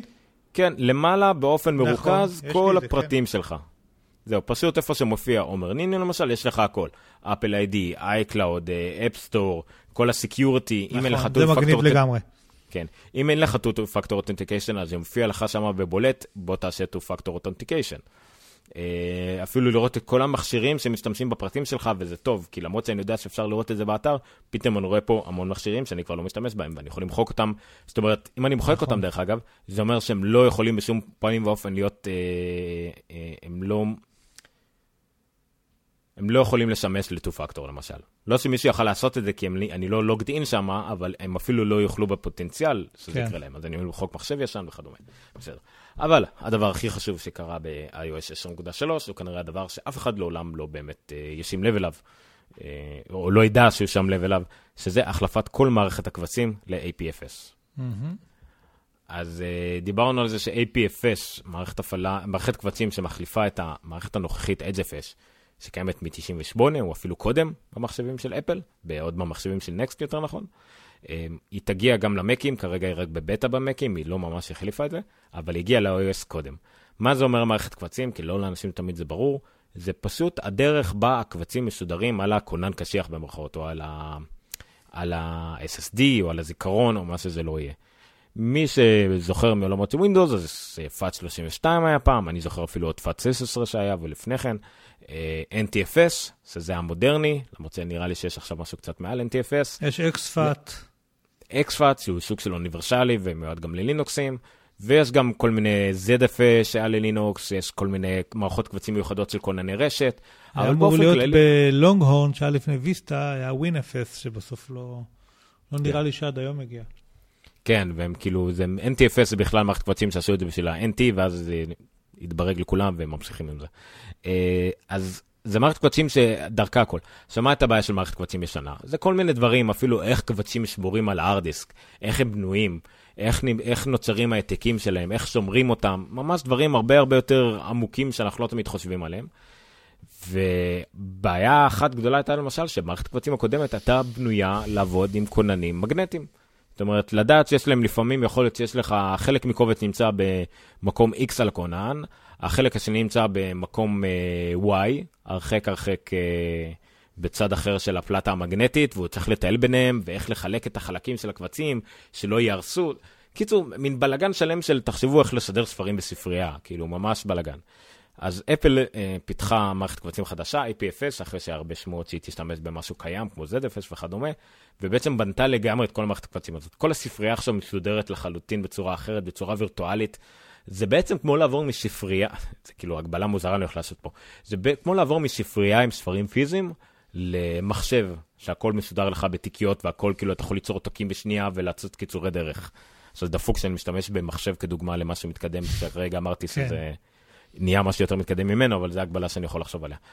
אז המערכת קבצים החדשה הזאת מיועדת ל-SSDים, מיועדת להמון המון קבצים קטנים שזזים כל הזמן, מיועדת גם לקבצים ענקיים שצריכים להיות מועתקים במהירות, כי אתה רוצה לגבות את הדברים האלה כל הזמן, וזה מיועד לגיבויים וירטואליים, זאת אומרת, אתה יכול לגבות ארדיסק שלם ארבע פעמים על אותו ארדיסק, כי הוא רק שומר לך שנפצות, צילום של אותו ארדיסק באותו זמן, וזה כל מה שצריך לשמור, לא באמת צריך לשמור את כל הנתונים האלה.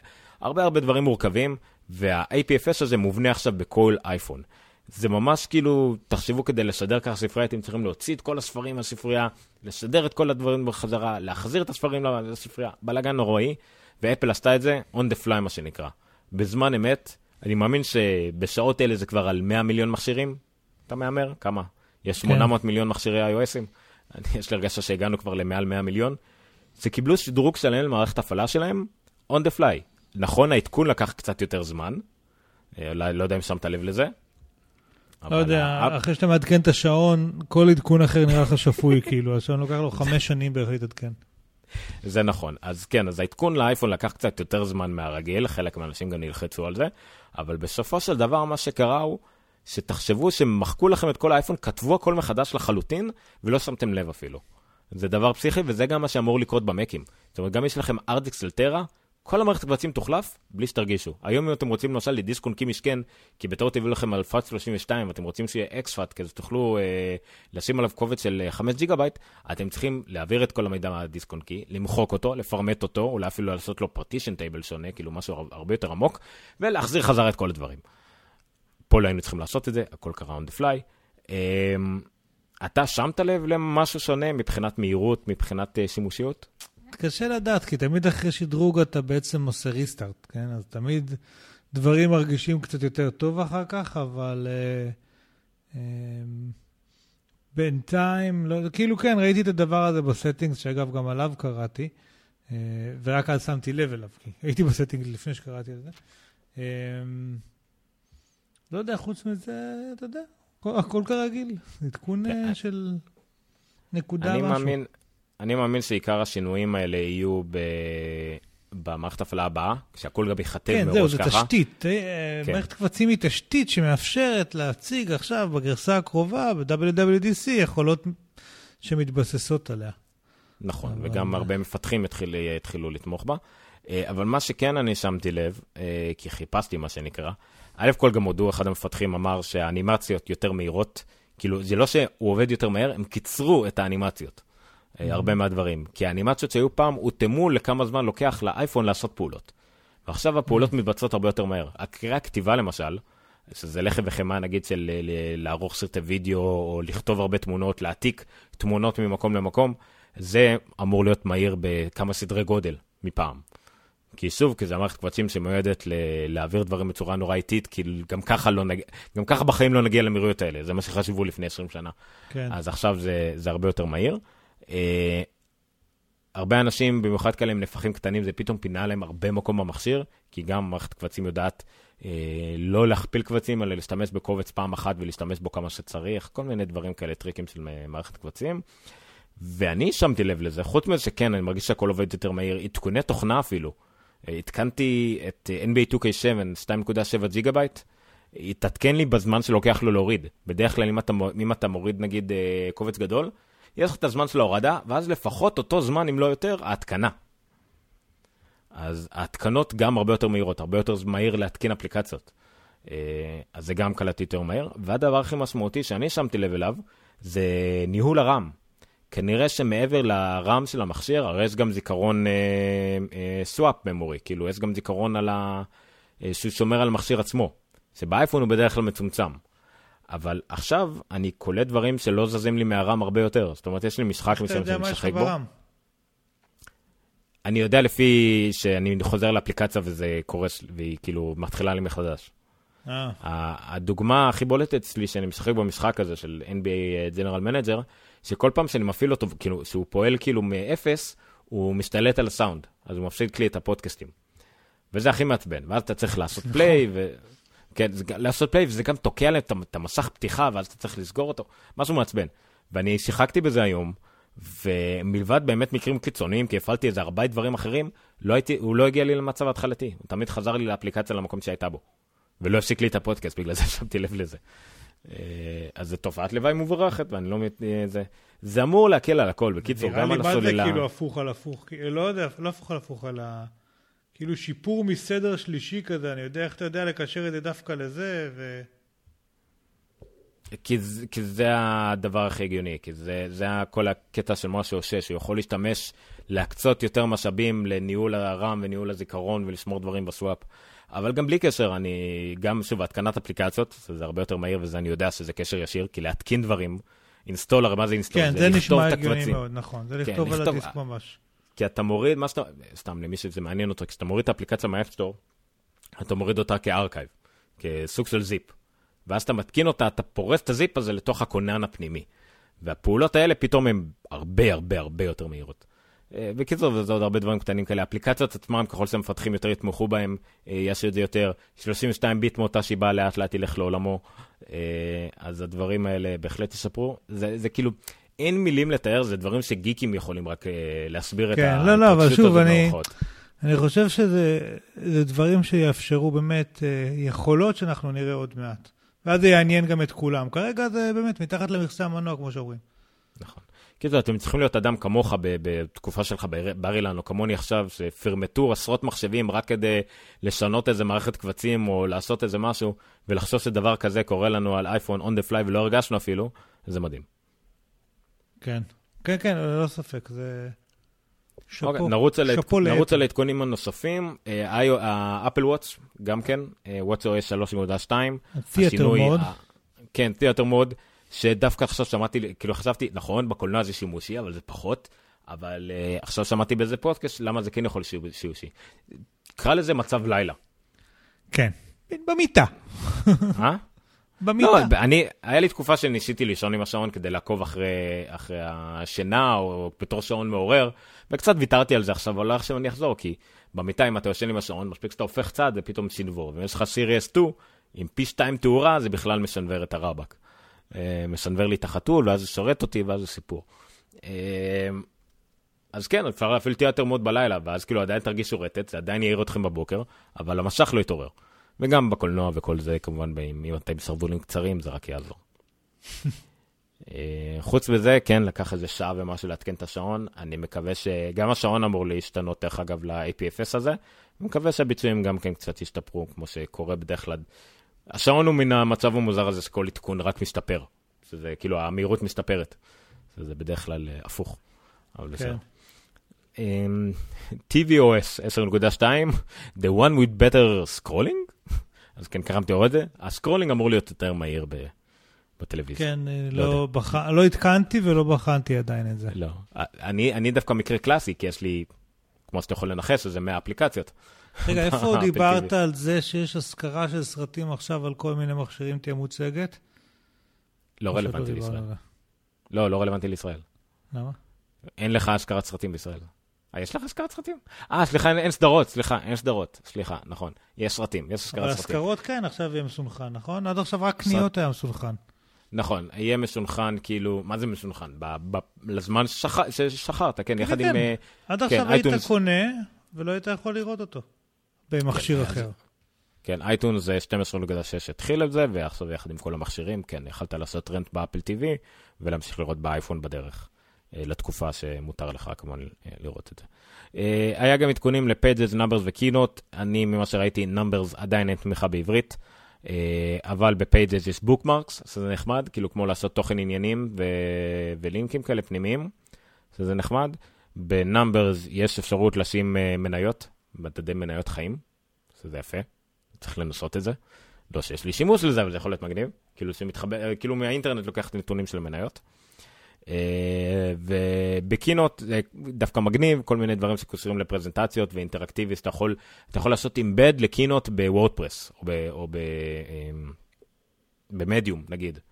ואז כאילו, ממש כאילו, אתה תוכל להעביר את השקופיות בוורדפרס, בבלוג, ולא וואלה. בתור שרת או PDF או משהו כזה, כן. ואפל TV רימוט, זה דווקא עדכון מגניב. יש אפל TV רימוט סוף סוף לאייפד, ולא במצב בלוט כן. שהייתי משתמש בו.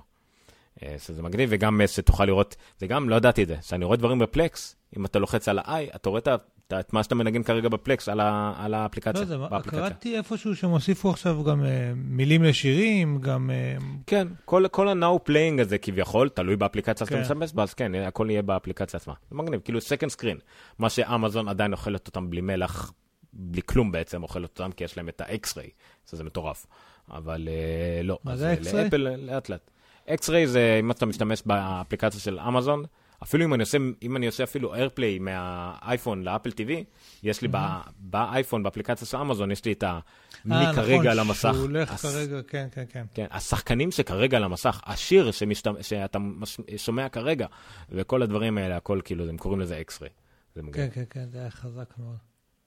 זהו, אז זה העדכונים המרכזיים שהיו ל...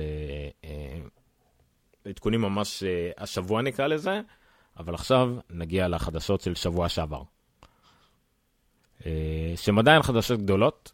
אני חושב, קיצור, רגע, בואו נעשה פתיח. פתיח. אה, הנושא המרכזי שלנו פה יכול יותר זה ההכרזות שהיו לאפל שבוע שעבר.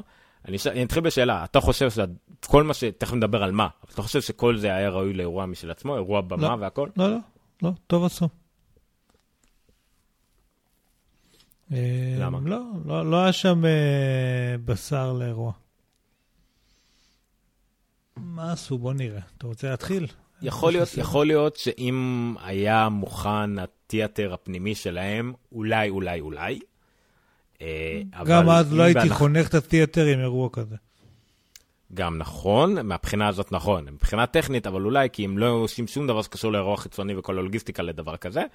אם היה נגיד את הטאון הול, אולי הם מזמינים מסיבת עיתונאים, אה, לא יודע. אבל כן, בקיצור, מה, מה, מה היה לנו שם? אה, ממה נתחיל? בוא נתחיל מהש- מהשדר שרשמתי את זה, אייפד. או כמו מהמם. שרשמתי את זה, סתם אייפד. אני שמח לדווח, אגב, שהאייפד 4 שלי נפל לי השבוע מהיד, ועכשיו, מעבר לסדקים שהיו בו עד עכשיו, אשתף אתכם. פה פה רנטגן, אתה רואה לתוך האייפד, אתה יכול לראות את הלוג'יק בורד שלו. אה, אולי זה הזמן להחליף אותו. כן, יעלה לך איזה 400-500 שקל לתקן את זה, אני לא חושב שזה שווה את זה. אוקיי, אז במה אתה יכול להחליף אותו? באייפד. אה, איזה אייפד? אייפד פרו? אייפד. אר? זה- 2? זה- זה סתם אייפד. בוא נראה, אני די פה דווקא ניסיתי לכתוב את כל מה שצריך לדבר עליו, וזה לא הרבה. הגוף והמסך הם של אייפד R1, זאת אומרת, המשקל, העובי, איכות המסך והכל הם אייפד R1. המעבד הוא אפילו יותר טוב מה-R2, לא יותר, אומרים שאולי לא יותר טוב, אבל יותר מתקדם מה-R2, זה ה-A9. כרגע מה שהיה ב-R2, מה שיש זה A8X, אז באייפד החדש, שהוא לא האייפד החדש, הוא רק אייפד, זה A9, כן. בסדר. אבל לא יהיה לו את הכפתור בצד, דרך אגב, זה חשוב, לאנשים שזה חשוב להם. זה כמו אייפד R1, אבל בלי הכפתור בצד. אה, אבל עם טביעת אצבע, עם מעבד חזק יותר, מגיע ב-32 ג'יגה מינימום ב-329 דולר, שזה כנראה הפיצר הכי טוב שלו. אה, 128 ג'יגה עולה 429 דולר, שזה גם לא רע בכלל. וסך הכל, במיוחד בהתחשב במחיר, זה אחלה אייפד. זה כאילו ה- האייפד. וכל מי שרוצה אייפד, זה לא האייפד פרו. צריך לזכור לא, שיש עדיין לא. אייפד פרו באותו גודל. 599 דולר, מינימום. לפני פרון ולפני מקלדת. כן. אז זהו, אז לאייפד הזה אין הפיצר, לא תומך בפנסיל, לא תומך בסמארט קונקט, אה, סמארט קונקטור, זאת אומרת במקלדות המיוחדות והכל, לא תומך בדברים האלה. הוא מינימלי לחלוטין. אה, הוא כאילו אייפד R3 נקרא לזה, אבל לא קוראים לו אייפד R יותר, כי הוא לא יותר דק, הוא לא כמו ה-R2, הוא רק אייפד. אה, מ, הדבר, הדבר, כאילו, מן הסתם, לא סתם קוראים לו סתם אייפד, כי זה השם שלו, וזה גם מה שמיוחד קצת. הם מיישרים קו עם השמות, יש לך אייפד, יש לך אייפד פרו, יש לך מקבוק, יש לך מקבוק פרו. אה, אמנם כרגע יש גם אייפד מיני 4, לא יודע כמה זמן הוא יישאר, אבל אם נגיד היה רק אייפד מיני, או החליטים לעשות את האייפד מיני, הייתי חי עם זה. אוקיי? השאלה אם אה, יהיה גם אייפון ואייפון פרו. אז אני, יש אנשים שאומרים שכן, אני לא מבין איך אייפון יכול להיות פרו. אני מסכים איתך. כאילו, אייפד הוא פרו, כי הוא באמת פלוס. יכול... נכון, כאילו אייפד פרו יכול להיות, כי זה באמת יכול מיועד לפרופשיונל וכאלה, אבל לא משנה מה פרו תשים באייפון, מה יהפוך אותו ליותר עסקי או יותר עיצובי מאייפון רגיל? אין, אין בו איזה פיצ'ר שאתה יכול לעשות את זה. אולי, אולי הדבר היחידי שיכולתי שיכולתי לחשוב עליו, אם האייפון פרו יהיה עם נגיד מצלמה מטורפת, עם ביפר. אוקיי? אוקיי. מצלמה ממש מטורפת, כאילו, שיהיה לו משהו professional photography, אוקיי? professional משהו, אוקיי? כי נגיד האייפד פרו, professional design, professional writer, אבל מה אתה יכול לעשות, איזה, איזה profession אתה יכול להצמיד לאייפון? אני לא, לא רואה את זה קורה. אה, אז כרגע, שוב, יש לנו רק אייפד, רק פרו. למדקדקים זה נקרא אייפד 5th generation, זאת אומרת, אם אתם הולכים לחפש קייסים, או מתבלבלים בין משהו אחר שמציעים לכם, זה אייפוד דור חמישי. הזבוב שלפי השבירה שלי הוא דור שביעי, אם אני לא טועה. נכון? כי זה אייפד 1, 2, אייפד, סליחה, אייפד 2, the new iPad, iPad with retina display, אייפד Air, אייפד Air 2, וזה עכשיו זה. אז שים לב שלא סתם הם קוראים לו חמישי, כי ה-1 ו-2 היו אייפד אירים 1 ו-2, וזה כאילו ממשיך את כן. האייפד 4 כמו שיש לך, שהפסיק להימכר לפני אה, שלוש שנים. בסדר, אוקיי. אה, אני צריך להסתכל על אה, איך, מה, מה השם הטכני שלו, אה, אייפד 4.8 וכל הדברים האלה, כדי לדעת בדיוק אה, איך אפל החליטה שהוא ממשיך. לא משנה. אז אייפד. אה, אם נדבר על זה טיפה קצת על משמעות שלו, לדעתי זה מה שהולך להיות האייפד לכל אחד. זאת אומרת, כל מי שהתלבט, כי יש לו אייפד 2 שעדיין מגמגם, אייפד 4 שלך שנשבר או משהו כזה, ולא יודע אם שווה לו לקנות עוד אייפד, האייפד שלו עדיין עובד בסדר, פתאום הוא רואה אייפד באמת הכי מתקדם, יצא עכשיו, הרגע יצא ב-2017, אה, והוא 329 דולר, למה לכל האורחות לא להחליף אותו? בהנחה שאוקיי, יש לך כסף, בסדר? כאילו, אתה לא עשיר, אבל יש לך את הכסף להוציא על מכשיר, לראות בו נטפליקס, אה, לקרוא בו אינטרנט, אה, לק- לקנות בו דברים כמו אשתי או משהו כזה. איזה סיבה יש לך לא לקנות אותו? אה, זה לדעתי ייתן להם פוש רציני, זה יקפיץ חזרה את המכירות של האייפד. הוא לא מיידית, כן? האייפד כבר לא, לא יראה פיקים. אבל זה ישמור על ה... סימקו גם, אה, אני רשמתי פה, עוד לא קישרתי אליו, אבל סימקו אמר את זה, האייפד כבר מכר יותר מקים, הוא כבר עכשיו מתייצב, הוא עדיין מוכר יותר ממקים, אה, והוא בהחלט יכול להיות מן הדגם הזה שכמו מחשב. כן, זה מצחיק שהמקים? אם אני זוכר נכון, זה ה- הלפטופים הכי נמכרים שיש, נכון? אה, מה? בארצות הברית דגם בודד הוא הכי נמכר שיש. מק, אני מדבר. אה, מקים כן. לא, גם ספציפית, אבל אם אמרת גם לפטופ, הוא גם הלפטופ הכי נמכר בארצות לא, הברית. לא, אז אני אומר, המקים הם הלפטופ הכי נמכר שיש, האייפדים נמכרים יותר מהם ונחשבים כישלון. כאילו, שוב פעם, זה קצת כמו השעון, הוא בערך פי עשר יותר מכל שוק ה-wearables ונחשבים כישלון. כמו שאנחנו תמיד אומרים, אפל צריכה להתמודד עם השדים של עצמה. אה, אייפד, אה, כשהוא יצא, זה היה המוצר הטכני, אולי אפילו המוצר. אני לא זוכר, סימקו אז עשה ניתוח של זה. זה המוצר שנמכר הכי מהר אי פעם. מוצר, משהו כלשהו. אוקיי. אז הוא הכי נמכר אי פעם, אז קשה לך להתמודד עם דבר כזה. אבל פשוט הוא נמכר כל כך הרבה, במיוחד באייפד ערך אה, הראשון והשני, במיוחד אייפד 2, אה, אייפד ואייפד 2, שעדיין אנחנו סובלים ממכשירים כאלה שעדיין קיימים. ועכשיו כן. הגיע הזמן, שבע שנים אחרי שהוא יצא, שהדור הזה הולך, כאילו, באפל מגדירים שבע שנים כמוות של מכשיר. אה, חמש שנים זה גושש, שבע שנים זה מת. אז זה כאילו הגיע הזמן להחליף, ולדעתי בתי ספר שלמים הולכים לה, לה, לה, להחליף לזה, כי זה 299 דולר לבתי ספר. מהמם. יש גם איזה דיל עם מקלדת של לוג- לוגיטק, מקלדת קשוחה כזאת, שנראה לי זה עוד 80 דולר, או לא זוכר כמה, אני צריך לבדוק. אה, ופשוט, ו-32 ג'יגה זה גם המינימום בשביל shared אייפד, כל מיני תכונות כאילו של בתי ספר. בתי ספר עשירים יותר יקנו 128 ג'יגה, והם יוכלו לעשות אותם יותר. שמע, לא יודע, הרבה אנשים דיברו על זה, זה סתם, זה פה, אני דווקא, זה נתן לי הרבה יותר אופטימיות לגבי האייפד. זה, אני לא יודע, אולי זה רק אני. האייפד מיני 4, רק כדי שנעשה על זה וי, נמכר ב, רק ב-138 ג'יגה, לא בשום גודל אחר, ו-399 דולר, יותר מזה. זאת אומרת, אם אתה רוצה אייפד מיני, אתה ממש צריך לרצות את זה, כי אחרת אין לך שיבה לקנות אותו. אני רוצה לשאול שאלה רגע להמלצה לקונים. 32 ג'יגה, זה כפול מ-16. היית קונה? או שזה ה-16 החדש שיחנק לי עוד 10 דקות כי יש לי רק התמונות באייפוטו 50 ג'יגה, אני לא יודע. תראה, זה לא אייפוטו, פוטוס. כן. גילוי נאות, ליול יש אייפד פרו, 256 ג'יגה. למה? שיפור ארוך. אבל יש לה. היא הייתה מסתפקת באייפד כמה הזה, ג'יגה יש בטלפון שלך? שלי 256 ג'יגה. אתה רוצה אוקיי. לדעת כמה תפוס? כמה? מעל 120. כן. אה, במה?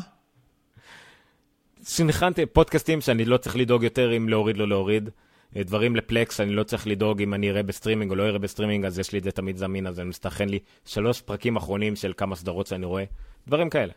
אני לא דואג לזה, ומשחקים שאני לא דואג למחוק או לפנות. אני אוהב את השקט הזה, וזה נורא נוח. מה לא נוח? לנסות לגבות את זה ב-11 בלילה, שאתה מת להתקין את המערכת הפעלה החדשה. זה לא נוח. מחקתי כל כך הרבה דברים במחשב שלי מקום. לא משנה. אמ, אה, דרך אגב, סליחה, אני חוזר אחורה לעדכונים. הדבר הכי משמעותי ששמתי לב אליו מאז מהחפתלה הזאת, המערכת קבצים לאייפון, היה לי המון בעיות עם האייפון הקודם בלגבות אותו ל-iCloud. לא הצלחתי, חודשים. עם האייפון הזה, לוקח לי שעה לגבות אותו כל פעם, אבל מגבה בסוף. אחרי העדכון מערכת קבצים, כמה זמן לקח לי לגבות אותו ל-iCloud? שבע דקות. כמה? שבע דקות. וואלה. אה, זהו.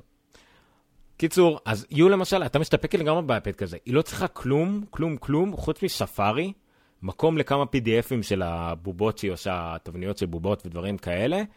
אה, אולי כמה משחקים וזהו, היא הייתה מסתפקת בזה בכיף. נכון, טוב שיש מצלמה טובה ויש מקום לסנכרן כל התמונות בכיף לראות, בפועל היינו מסתפקים בפחות, גוגל פוטוס וכאלה.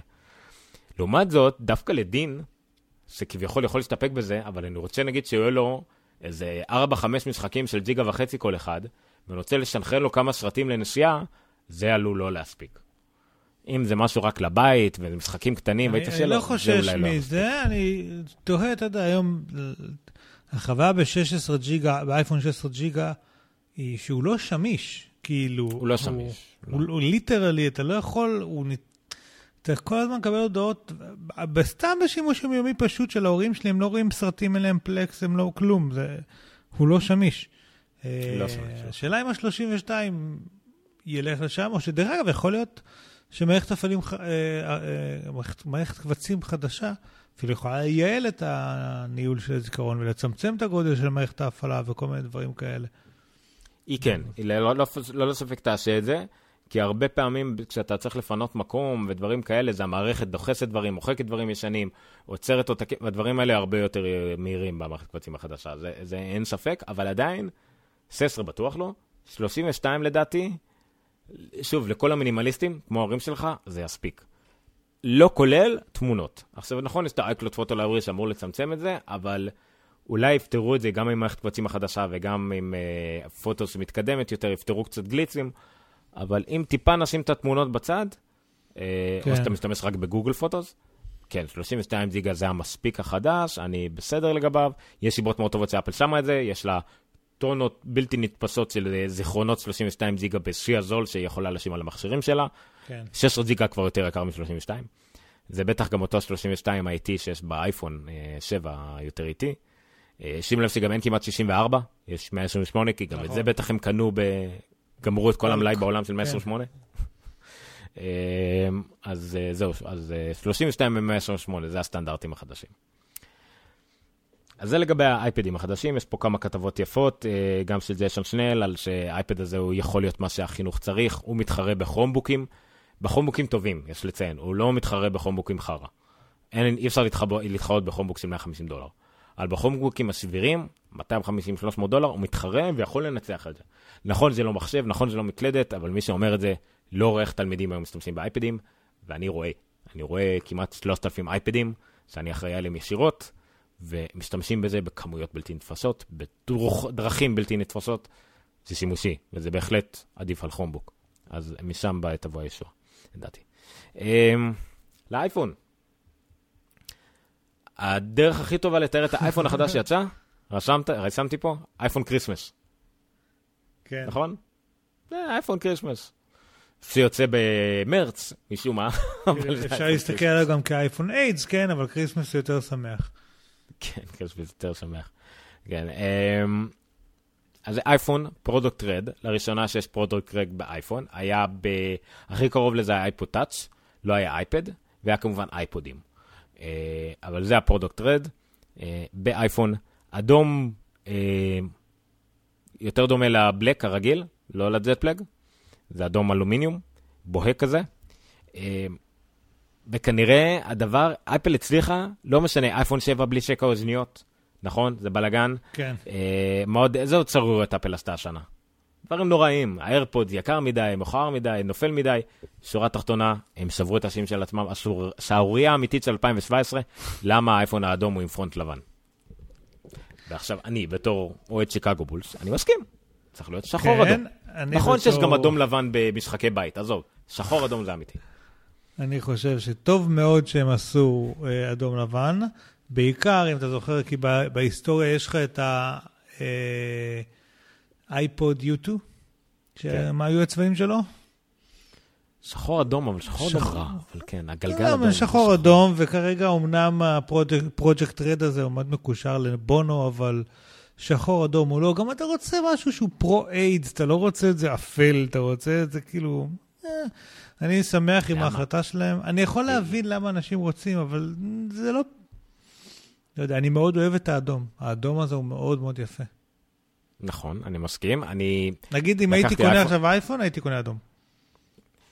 אני לא הייתי מסתדר עם הלבן. הייתי עם הלבן כמה, כמעט שנתיים, גם עם ה... לא, לא. כן, היה לי שני- כסוף, ואז היה לי, את ה- היה לי את הגולד רוז, האסי, וכשחזרתי לשחור, הבנתי למה אני אוהב שחור. מצד ואני- שני- יהיה לי קשור לחזור לזה. זה האייפון שלי, וכמו שאתה רואה, הוא לובש רעלה. אין לדעת עולה מה לה- יש עולה או רעלה? מתחת, אני יכול להגיד שהוא אדום. אף אחד לא יכול לדעת את זה. ורוד. אה, כן, אוקיי. זהו, אז אני... הוא יכול להיות בסדר, הכל. בקיצור, אנשים כבר החליפו, מישהו דפוק החליף לגמרי את כל הטלפון שלו לשחור אדום, כאילו לקח את הזכוכית השחורה והגב האדום, אחרים שמו מדבקת מסך. שהיא מסגרת שחורה, שזה גם עובד, זה היה ב The Verge, סליחה שאין לי לינק כדי להראות את זה. אה, אבל שורה התחתונה זה האייפון האדום, זה עניין את כולם. יש פה כמה- עוד דבר מאוד מעניין לגביו, שבסין האייפון האדום יימכר, נכון. אה, גם כי אדום הוא מאוד פופולרי בסין, גם הזהב וגם האדום, אבל לא יהיה כתוב עליו Product RED. למה? סינים רגישים בגלל האיידס, כמובן מדינה סגורה, דיקטטורית, אין לנו איידס, אין דבר כזה, אין עוני, אין מחלות, אין, לא משנה. אבל כן, אה, טים קוק כבר אמר, זה יימכר שמה, והרווחים, הכנסות שאמורות להגיע לפרו- ל-AIDS, למלחמה ב-HIV, אה, עדיין יגיעו. פשוט לא יהיה על זה Product Red. הסינים לא ידעו. זה המטרה. לדעתי, דרך אגב, האלומיניום האדום היה לא קל לאפל, למרות שהם עשו את זה בעבר באייפודים, אבל... די, אה, באייפודים, כן. אבל לדע- לדעתי היה שם איזה משהו טכני. הם, הם, הם היו יכולים לעשות את זה קודם, אבל... אה, לא, אני חושב שזה נכון, זה. להוציא את זה. בדיוק בחצי שנה לפני המכשיר הבא, אבל זה אחלה דבר כדי להגדיל עוד קצת את המכירות. נכון, זה מלאכותי, ויכלו להוציא את זה אז, יכלו לחכות עם זה. אז מה, זה חברה, זה מה שהיא עושה. זה יותר טוב שהיא תוציא מכשיר אחר לגמרי, כמו כל החברות האחרות? לא. הם הוציאו רענון מסוים עם צבעים, זה נחמד, כאילו ייחודי יחסית, אולי אייפון 8 לא יהיה עם אדום, אי אפשר לדעת. זה נחמד. תשמע, אני קניתי עכשיו אייפון. לא שהייתי קונה את האדום, אבל נגיד אני קניתי עכשיו אייפון. אם הייתי יכול לבחור, אז היה לי עכשיו גם את האפשרות לבחור אדום, אז מה? אמ, עוד מישהו שהרוויח מהמיני הכרזה הזאת בערך זה אייפון SE. אייפון SE ממשיך איתנו, רק שודרגו לנפחים מ-16 ו-64 ל-32 ו-128. אז אם ה-SE הוא המכשיר כנישה גם למי שרוצה קטן וגם למי שרוצה את המינימלי, אז במקום 16 יהיה לו 32. ומי שרק רוצה את הקטן, אבל רוצה את המקסימום שיכול, אז יש לו את ה-128. אז כולם הרוויחו. נכון, ה-SE הוא עדיין בעצם אייפון 6S, אבל האייפון 6S הוא עדיין אחלה טלפון. ולדעתי, הוא יהיה איתנו אייפון SE לפחות עוד שנה שלמה אחת. ה-SE הוא טלפון מעולה, אם הייתי קונה היום טלפון ולא הייתי אה, גיק, הייתי קונה. הוא- יש אותו להורים שלי, הפורם פקטור שלו מעולה, יש אותו לבן שלי, טלפון מעולה, נכון? ממש. נכון, אני קניתי אותו לעצמי הרי בזמנו, ועכשיו עבר ליול. אה, הייתי מאוד מרוצה ממנו. לפעמים הרגשתי שהוא כאילו טיפה underclocked ממה שהוא אמור להיות באמת. והדבר הכי גרוע בו מבחינתי, וסליחה על השחיות, המצלמת סלפי שלו לא הייתה טובה. אה, ואני, ולא, באמת, ואני עושה המון סלפי עם הילדים, זה הדרך היחידה שלי להשיג תמונות שלי עם הילדים שלי, כי אף אחד לא יצלם אותי חוץ ממני. אה, אז אה, זה חשוב שיהיה גם מצלמת סלפי טובה, ועכשיו באייפון 7 יש אחלה דבר. אז זה גם ה-SE. בתחום החומרה, עוד משהו שיצא, זה רצועות וקייסים שונים. עכשיו, אפל עושה את זה, הרצועות לשעון זה אביזר אופנה. כל כמה חודשים מתחלפת האופנה, ברמה שהקודמים מפסיקים להימכר, ויש רק את האופנת אביב עכשיו. זאת אומרת, אם אהבת צבע שהיה פעם, תשיג אותו מהר, כי הוא לא יישאר, לא יהיה אותו יותר. אופנה. למה נדבר בחרוזים? אה, כן, יצא לי יובל המבולבל לרגע. אה, אז בסדר, אפל חברת אופנה בקטע הזה, וזה... האייפון הוא חלק מזה. אה, סליחה, אפל וואטס. אפל וואטס הפך להיות אביזר ספורט ואביזר אופנה. וזה בסדר. יש גם קייסים חדשים, יש גם קייס, אה, או, קייס אור לאייפון SE, שזה גם סוג של הכרה ב, באיכות של המכשיר הזה ובזכות שלו להתקיים. יש... אה, אה, אני לא עקבתי אחרי זה, זה כל כך לא מעניין אותי, אבל כן, יש המון קייסים ורצועות ומגנבות, ובכל מה שקשור ל- לאפל ווטש, יש רצועות אפל נייק. לניר יש רצועה, יש אה, שעון נייק, אם אני לא טועה, עם אה, הרצועות האלה עם החור, שמעודדות לספורט והכל. אז עכשיו ניתן לקנות גם את הרצועות אה, נייק, נייקי, אה, מעבר, ל... מעבר לאלה שבאים עם השעון עצמו. לשעון, אם אתם קונים שעון נייקי, עדיין זה בא עם faces שיש רק לשעון הזה. אם אני חושב גם על זה אפליקציה או איזו תכונה מסוימת, כאילו, נראה שזה קשור ל face, ל complication של ה face, שיש רק לשעון נייקי עצמו, אבל לפחות יהיה לכם רצועה כמו של נייקי, כי זו רצועה שכולם אומרים שהיא נוחה בכל מקרה, הכי טובה לספורט, ואם אפל רוצה למקד את האפל ווטש בעיקר לספורט ובריאות, אז עוד דרך למתג אותו ככה, יהיה עם רצועות מקוריות של אה, נייקי. לכל הצופים בנו בווידאו, ניר נטש אותנו, ולכן אני צריך טיפה למשוך את הזמן, אז אנחנו נעבור לעניין הבא, שזה אפליקציה, שזה כאילו הפתיע ולא הפתיע את כל מי שקרא את כל ההודעות לעיתונות, זאת אומרת כי אה, היה שמועות על אפליקציה כזאת כבר לפני כמה חודשים. אה, ברח לי שמו של הבחור שהיה ב-9 to 5 Mac ועכשיו בבלומברג שאמר שזה אפל תציע משהו שמאוד דומה לסנאפצ'ט, ועכשיו אנחנו יודעים גם לאינסטגרם Stories, ואולי תתחרה בהם אפילו. אז הנה, עכשיו אנחנו רואים את האפליקציה הזאת יוצאת, קוראים לה קליפס. אה, דווקא במקרה הזה שווה להתמקד על, אה, אה, על איך שאפל מחליטה להראות את זה באתר שלה, כי זה מאוד נחמד. קליפס זאת אפליקציה אה, קריאטיבית ליצירת סרטונים. סרטונים, תמונות וכדומה, מתכנים שיש לכם אה, כבר. אפשר גם לצלם איתה, אם אני לא... כן, אפשר גם לצלם איתה, אבל המטרה היא להשתמש בתכנים שלכם. אה, ניר חזר אלינו. ניר, דיברנו על רצועות של נייקי, רציתי להראות את הרצועה שלך. נכון, לך יש שעון נייקי. Unmute, motherfucker. כן, כן, כן. אה, דרך. אגב, אני רציתי את אתה לא- אז הוא לא נדלק. אה, אז עכשיו אתה כבר לא מיוחד, וכולם יכולים לקנות רצועות של נייקי. אה, לך יישאר את הפנים המיוחדות של נייקי. מה לא עם Hermès? הפנים בשעון של נייקי. Hermès זה גם ככה, לא? כן, את הרמז, הרצועות, אבל עדיין אי אפשר, למכור- אי אפשר לקנות בנפרד. ואז גם יש לך פנים יכולות, אבל. כן. לא, אני מנסה לראות פה איפה זה היה. אני חושב שרק אני ואימא שלך אמרנו לך את המשפט הזה. איזה מהם? מה? שיש לך פנים מיוחדות. יש לי פנים מיוחדות? אולי גם יול. אה, איפה אני מוצא את זה על הקליפס? לא מוצא. על זה באתר של. אפל. זה מה שקורה שלא אה, זה. לא אומרים, אה, לא לא מוכנים מראש. בקיצור, אה, קליפס זאת אפליקציה שאפל די אה, הפילה משום מקום. אה, לא קשור לכלום כרגע, ולא תצא גם בחודש הקרוב. אבל הנה בואו נשים את המסך, לפחות שיהיה לנו משהו אה, להסתכל עליו, שהוא לא אנחנו. אז אפליקציית שילום היא בערך כמו הפיצ'ר מצלמה שיש בתוך סנאפצט, אוקיי? בלי היכולות החברתיות או בלי יומרה חברתית.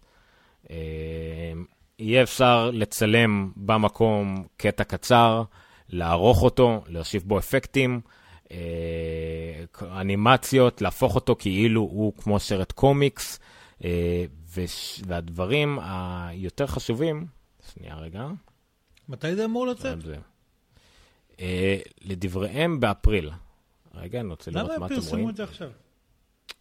אתם רואים דווקא את הדבר שאתם לא אמורים... זהו, למה הם פרשמו את זה עכשיו? לא כל כך ברור. מה קורה פה? שנייה, אוקיי.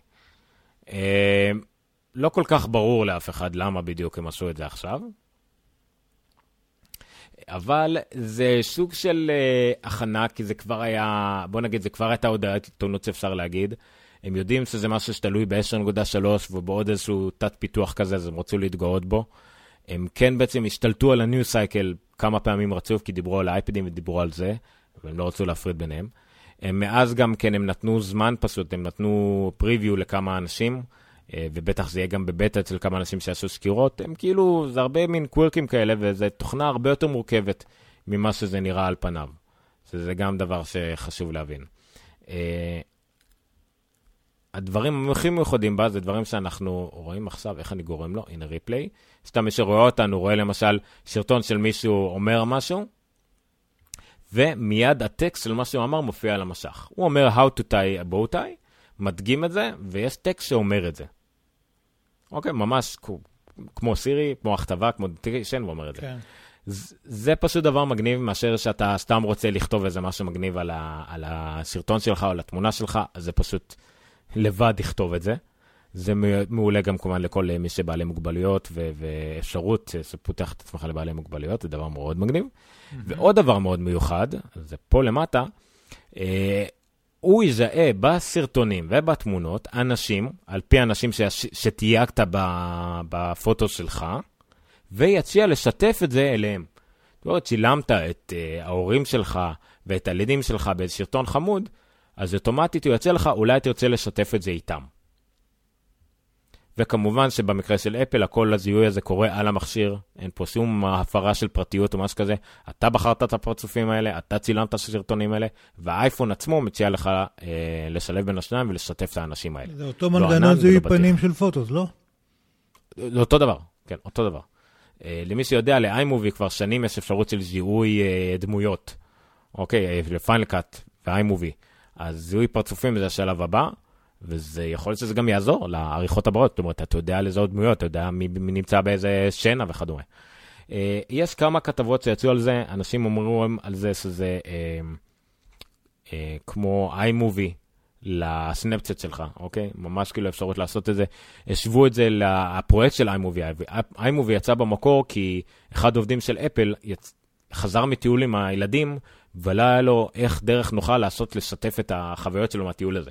אז יצר את iMove עם כל האפשרויות. אמ, אז גם במקרה הזה, אתה רוצה דרך נוחה לעשות עם התכנים שיש לך על המכשיר, או שאתה מצלם עם האייפון, ולשתף אותם הלאה.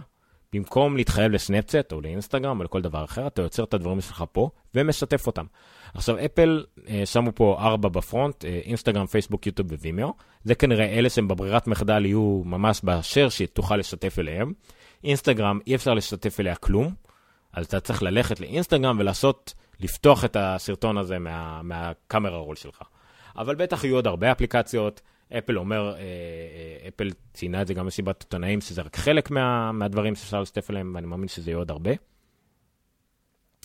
אה, יש שני דברים, רגע נעלה את זה, כי יש פה גם איזה סרטון, מישהו שקיבל הדרכה וגם כאילו הציג את זה פה בסינט. עכשיו, יש שני דברים לדעתי, מה אתה רוצה ממני? שני דברים לדעתי שאפשר לדבר עליהם בהקשר הזה, שניהם דווקא נושאים מאוד מעניינים לדיון באופן uh, כללי. מה קשור שיש לי פרסומת לשוויץ באמצע הכתבה בכלל על קליפס? מאוד לא ברור. טוב, לא משנה, למה לא לראות דברים של קליפס ואחרי זה, זה uh, של tweets ואז זה. Uh, בקיצור, שני דיונים שאני רוצה להעלות איתך, כי אני חושב שהם מעניינים. אם קראת את, את מה שכתבתי פה, אולי גם תהיה לך מה להגיד על זה. Uh,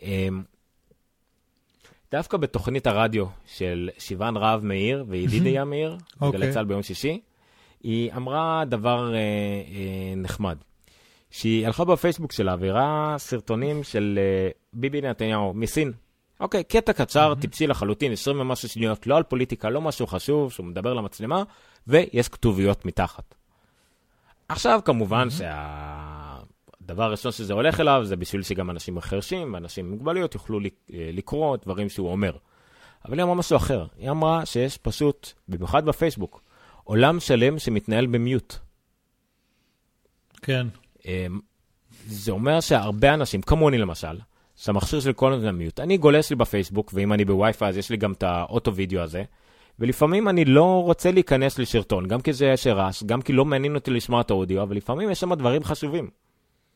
אוקיי? אז, אז במקום זה מופיעים לי טקסטים על המסך. אם זה כתוביות ממש של מישהו מדבר, או משהו שהיום מאוד מאוד באופנה, סרטונים של אתרי חדשות עם כל מיני שלייצור של תמונות והסברים וטקסטים מאוד גדולים, כמו שאנחנו רואים פה על המסך בערך, mm-hmm. מי שרואה. אה, וזה בעצם עולם שלם שמתנהל במיוט. והקליפס הזה, כאילו, זה מין מכניס לנו את זה, מבלי שאנחנו אפילו שמים לב, דבר שכאילו, לפחות לצעירים, כנראה יבוא כל כך טבעית. מה זאת אומרת? במקום שאני אצטרך לכתוב את הטקסט כדי חברים שלי יראו את זה, כי אני יודעת שהם יראו את זה במיוט, כי הם עוברים את זה באינסטגרם כל הזמן או בסנאפצ'אט, אז היא אוטומטית תכתוב לי, אני רק צריך להגיד את המילים, אני אפילו לא צריכה לכתוב את זה. אני בכוונה מדבר בקול uh, נשי, כי אני חושב על האחיינית שלי, שהיא סנפצ'רית. אז uh, זה כאילו, פתאום אפל כאילו מאוד היפים, מאוד כאילו מודרניים, כאילו, איך חשבתם על זה בכלל שזה פתאום נראה כל כך הגיוני? אתה שם לב לעולם הזה שמתנהל במיוט? תראה, קודם כל, כל המכשירים שלי במיוט. כאילו, תמיד הטלפון שלי במיוט, לא, כאילו, אתה יודע, מבחינת צלצול, אין צלצול. זה שנים כבר, שאני רק על רטט. בשעון אפילו את הרטט ביטלתי. אה, וכן, אתה יודע, אני עובד במשרד, זה, האפשרויות שלך זה או לשים אוזניות, ואז יש בזה משהו קצת אנטי-סוציאלי, או, או, או כאילו, כן, או לשים מיוט, אבל אז אתה לא יכול ליצור חלק מהתכנים שנשלחים אליך. או אה, בטעות, שאתה רוצה רק להגדיל את הסרט, ואז פתאום זה פועל לך בפול ווליום, ומביך. כן, כאילו, נכון, אתה לוחץ על הפייסבוק. ואז יודעים וזה... שאתה לא מרוכז בפגישה עכשיו. כן. אה, אז זהו, אז, אז זה סתם, פתאום שדווקא שיוון רב אמרה את זה, זה פשוט פתאום מגניב אותי, כאילו שזה, כן, עולם, עולם שלם במיוט, ואנחנו נמשיך לראות את זה. אה, אני רואה את זה גם בתור מישהו שמנסה, נגיד, לעשות סרטונים בפייסבוק. אין לנו טקסטים, אבל אני מנסה להגיד שהדבר הראשון שרואים זה טקסט כזה שיזמין, שאנשים רואים, ואז כאילו, נכון, זה קצת מבאס, ואז הם מתחילים לראות את הסרטון, ואז רואים את הפרצופים שלנו. אולי צריך לחשוב על איזשהו אה, שינוי בנושא. אני רוצה לומר על זה עוד משהו, שוב, באמת מכיוון עולם הנגישות, אה, שאני מתעסק איתו לאחרונה, זה מאוד מרגש, כי אחד מהדברים שברור שאי אפשר לעשות כל הזמן, זה איך אני מעלה עכשיו אה, אה, כתוביות לסרטון שלי. זה משהו שהוא מאוד מורכב לעשות, והנה, אני לא צריך להתאמץ פה. כאילו, בכלל, בשביל לתמוך בכתוביות, אוקיי? בשביל לתמוך בכתוביות, אני צריך... זה פיצ'ר בנגן שאני צריך שיהיה שם, אז צריך לכתוב אותם, את התמליל והכל, ופה ושם. זה נראה משהו שהוא מאוד, יש לו פוטנציאל להיות מאוד שימושי. נכון, נגענו בזה שבוע שעבר על אה, אנשים שיש להם קשיים רבים מאוד בלהנגיש את האתרים שלהם. ומי שיש לו אתר מבוסס וידאו בכלל נמצא בברוך רציני, כי הוא חייב לשים כתוביות. Mm-hmm. ולפעמים אה, להשיק מתמלל זה אחד הדברים היותר יקרים שיש. זה מקצוע מאוד אה, בעייתי. יש אמנם למשל את התמלול האוטומטי של אה, יוטיוב, באנגלית, שהוא די משעשע לפעמים, אבל... אה, זה, אז כן, זה, זה בהחלט, כאילו, מן הסתם שאפל תחשוב על דברים כמו נגישות, אה, מן הסתם שהיא תחשוב על דברים כמו אה, אה, פיצ'רים כאלה, וזה מאוד מאוד חכם שהיא לא הלכה לכיוון החברתי. Mm-hmm. שהיא לא הפכה את זה לרשת חברתית, היא אמרה, קחו את זה, תשתמשו בזה חברתי. העיקר שכולם ידעו, שישאלו אתכם, תגידו שעשיתם את זה באייפון. Mm-hmm. ואם הם יחשבו על מה המכשיר הכי טוב לסנאפצ'אט, שיחשבו אייפון. כי אולי יש את סנאפצ'אט, אבל יש לכם באייפון עוד כמה כלים מגניבים, שיעזרו לכם להיות בסנאפצ'אט יותר טוב. דרך אגב, במקביל זה... יש אה, אה, איזשהו טבח שפייסבוק מנסה לערוך בסנאפצ'אט, אה, ומעתיקה כן. ממנה את כל הפיצ'רים. הכל. אין, אין, אין... היום יצא עוד אחד. כאילו, היום יצא עוד אחד שסגר את הקופ, את הזה. זה רק לא יושב על את כל הפיצ'ר, זה גם בכל הפלטפורמות שלה. גם בוואטסאפ, גם בפייסבוק, גם במסנג'ר וגם בפייסבוק עצמה. כן. וגם באינסטגרם, סליחה. זה כאילו פשוט בכל החזיתות. זה פשוט מטורף. כאילו. ושוב פעם, ומה שבעיניי יפה בשני הסיפורים האלה, זה כמה סנאפצ'ט טובים. או כמה סנאפצ'ט הבינו, פיצחו משהו, וממשיכים לפצח ולעשות דברים. שלא נותר לאחרים ברירה, אלא פשוט להעתיק אותם, כי כנראה שאי אפשר לפתח את זה בעצמך, כי, כי כל ההיגיון של סנאפצ'אט אף אחד לא מבין אותו, אבל הנה, זה עובד להם, וזה עובד להם כל כך טוב, שפייסבוק פשוט העתיקו הכל בצורה הכי בוטה שיש. והנה, אפל גם אה, רוצים להיות שם. כאילו, זה העתיד. הצעירים של היום הם העתיד של מחר. הכינוי הכי מעליב לאפליקציה זה כמובן היה סנאפצ'אט להורים. אה, כי זה סנאפצ'אט רק עם ממשק הגיוני.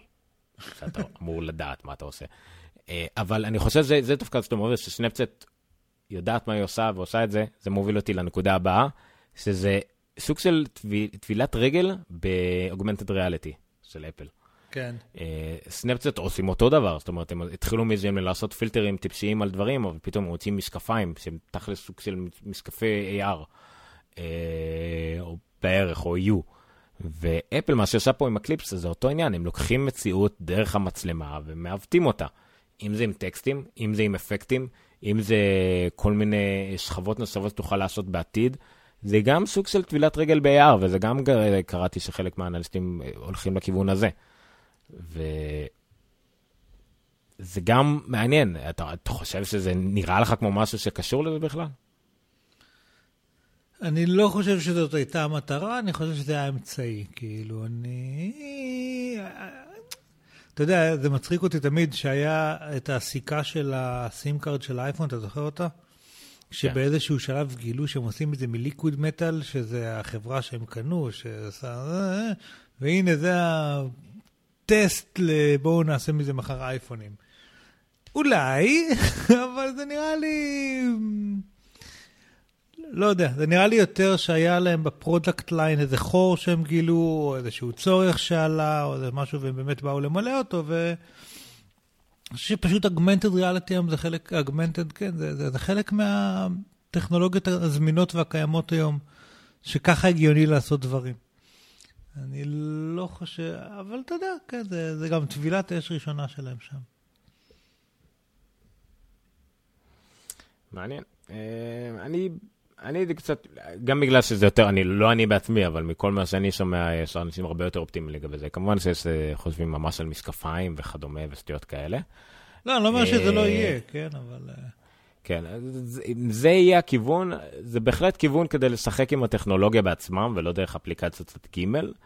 זה כן עם הדרך לראות כמה אנשים היו מוכנים, בהנחה שהם יכולים לנתח את הנתונים האלה, כמה אנשים משתמשים בזה לדברים שיותר דומים ל-AR. אה, ולדעתי, כן, זה שוק של טבילת רגל, ואנחנו נראה יותר ב-S11 אם יש לזה כיוון או לא. כן. זה ברגע שזה מגיע ל-WWDC, עכשיו היה לזה הגרלה סביב זה, לא? כן, ההגרלה נפתחה היום או אתמול בלילה.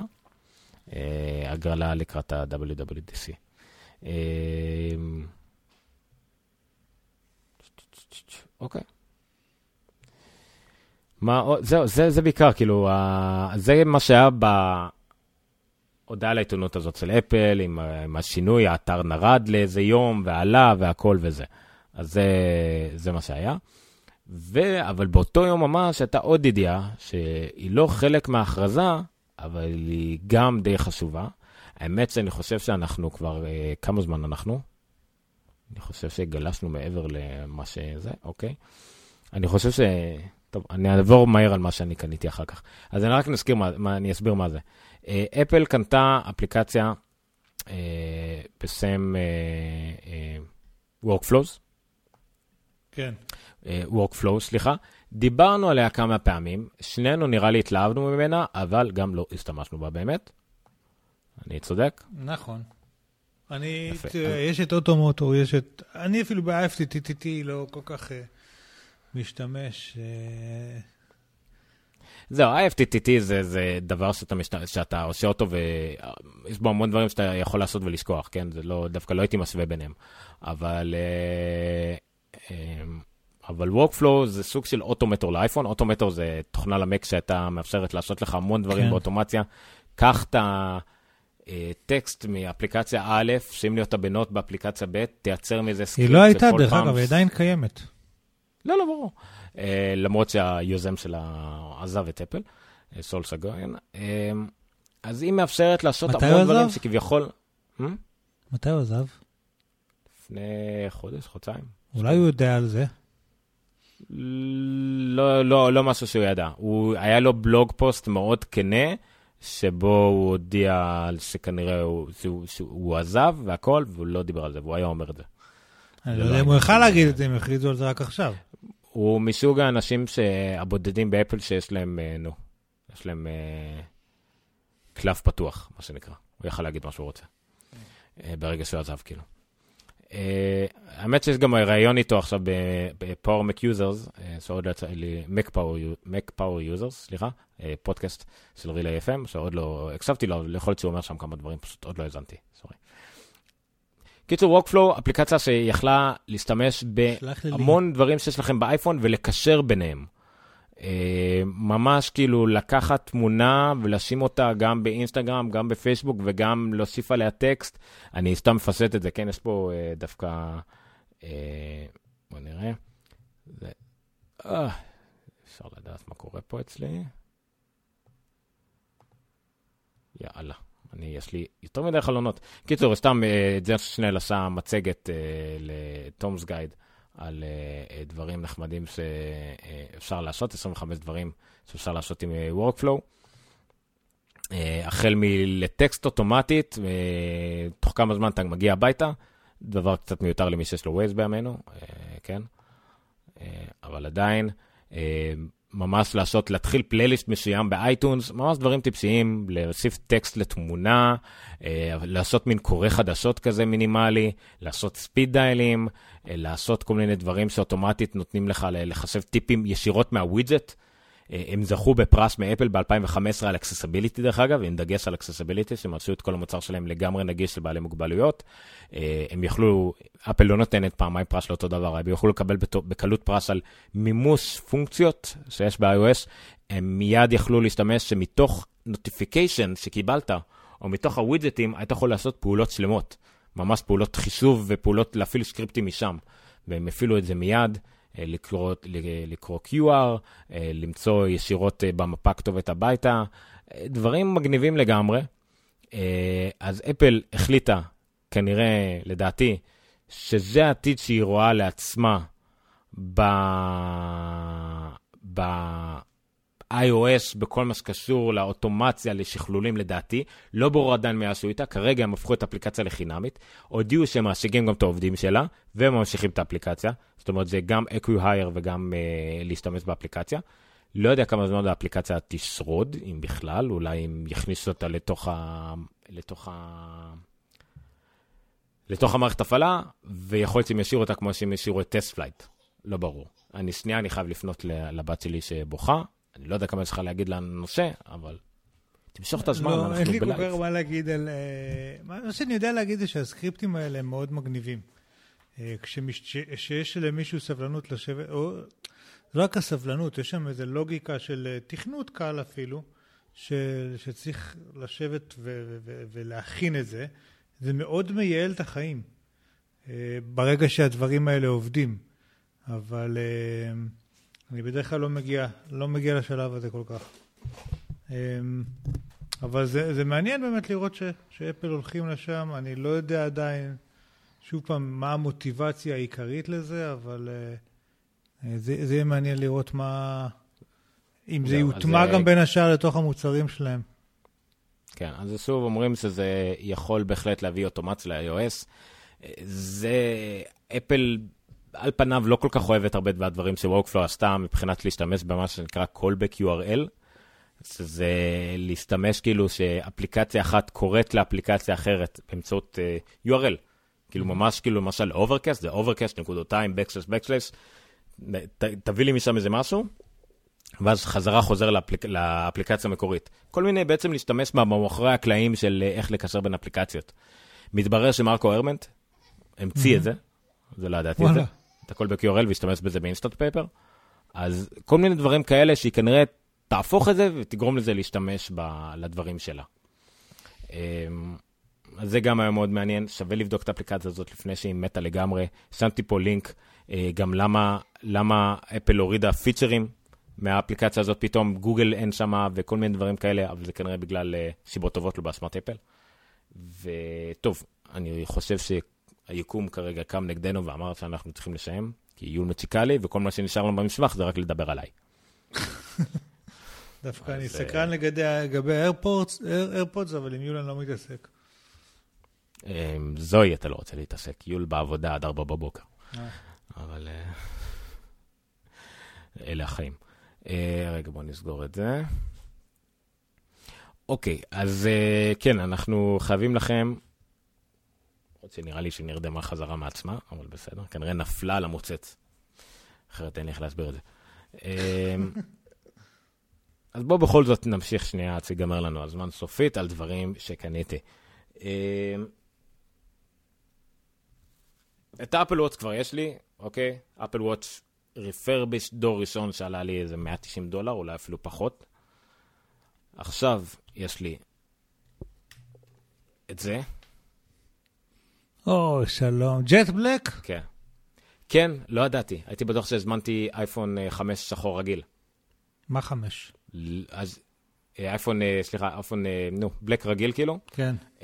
אז או שאני לא זכרתי מה הזמנתי, או שהם טעו ושלחו לי jet black, אבל whatever, נו, שיהיה. יאללה, jet black תתחדש, שווה, יפה. כן. גם הוא refurbished, 250, אה, 256 אה, ג'יגה בייט, כי זה היה עוד 50 דולר. עלה לי פחות, הרבה פחות ממה שאמור לעלות חדש כזה, בוא נגיד את זה ככה. גם הוא refurbished, אה, ואני מרוצה ממנו עד הגג בינתיים. גם מהמצלמה, גם מהמסך הגדול, גם מהמהירות. אה, באופן כללי, מה... מהטביעת אצבע. אה, אני שכחתי על כל הקטע הזה של הרמה, והוא מתעורר, כן. די שכחתי מזה. אה, נזכרתי בזה כשהבנתי שאני לא צריך ללחוץ על הכפתור כשאני מוציא אותו מהכיס. נכון. אה, זה חשוב מאוד, כי אני לוחץ ואז אני לא יודע מה קרה לי, כי זה פותח לי את האייפון. נכון, והוא פותח את זה בטיל עכשיו, בסורק החדש.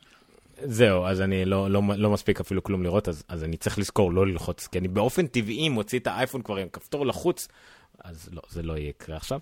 אה, קשה לי אמנם שאני לא מגיע לחלק מהדברים, אבל כן, אני, אני משתמש הרבה יחסית, משתדל ללמד את עצמי להשתמש בזה. אני משתמש בזה המון. להיות, כן, זה יכול להיות מאוד נוח, במיוחד בטח כשאתה יורד עם הכלב ודברים כאלה. כן, כן, כן. יד אחת, אני משתמש בזה המון. אז זה בהחלט נוח. צריך לזכור קצת, אבל אני, אני מאמין שאני אתרגל לזה. אה, קצת יותר קשה לי להתרגל, להיזכר ב-3D Touch, אבל גם בזה אני מנסה ללמד אותי להשתמש כמה שיותר, במיוחד ב-speed dial, ב-Phone, ב-Overcast כדי להגיע לפ, ל, ל, בדיוק לפרק שאני רוצה לראות. אה, זה גם שאני לא פשוט- משתמש אף פעם. זה, אני ממליץ לנסות, לנסות כמעט על כל לא, אני אפליקציות. מנסה, אני פשוט. לא לא התרגלתי. אה, אוקיי, אז אה, אני, אני פשוט בגלל שאני, לא יודע, פשוט לוחץ יותר חזק, אני כל כך לוחץ הרבה, אמר, נלחץ יותר חזק, נראה מה יקרה. אה, אז כן, זה שימושי, לפחות למצוא את ה-2-3 שאתה כן אה, משתמש בזה, אה, אז זה נחמד. אה, וזהו, זה אייפון, ניחא. אבל מה ש...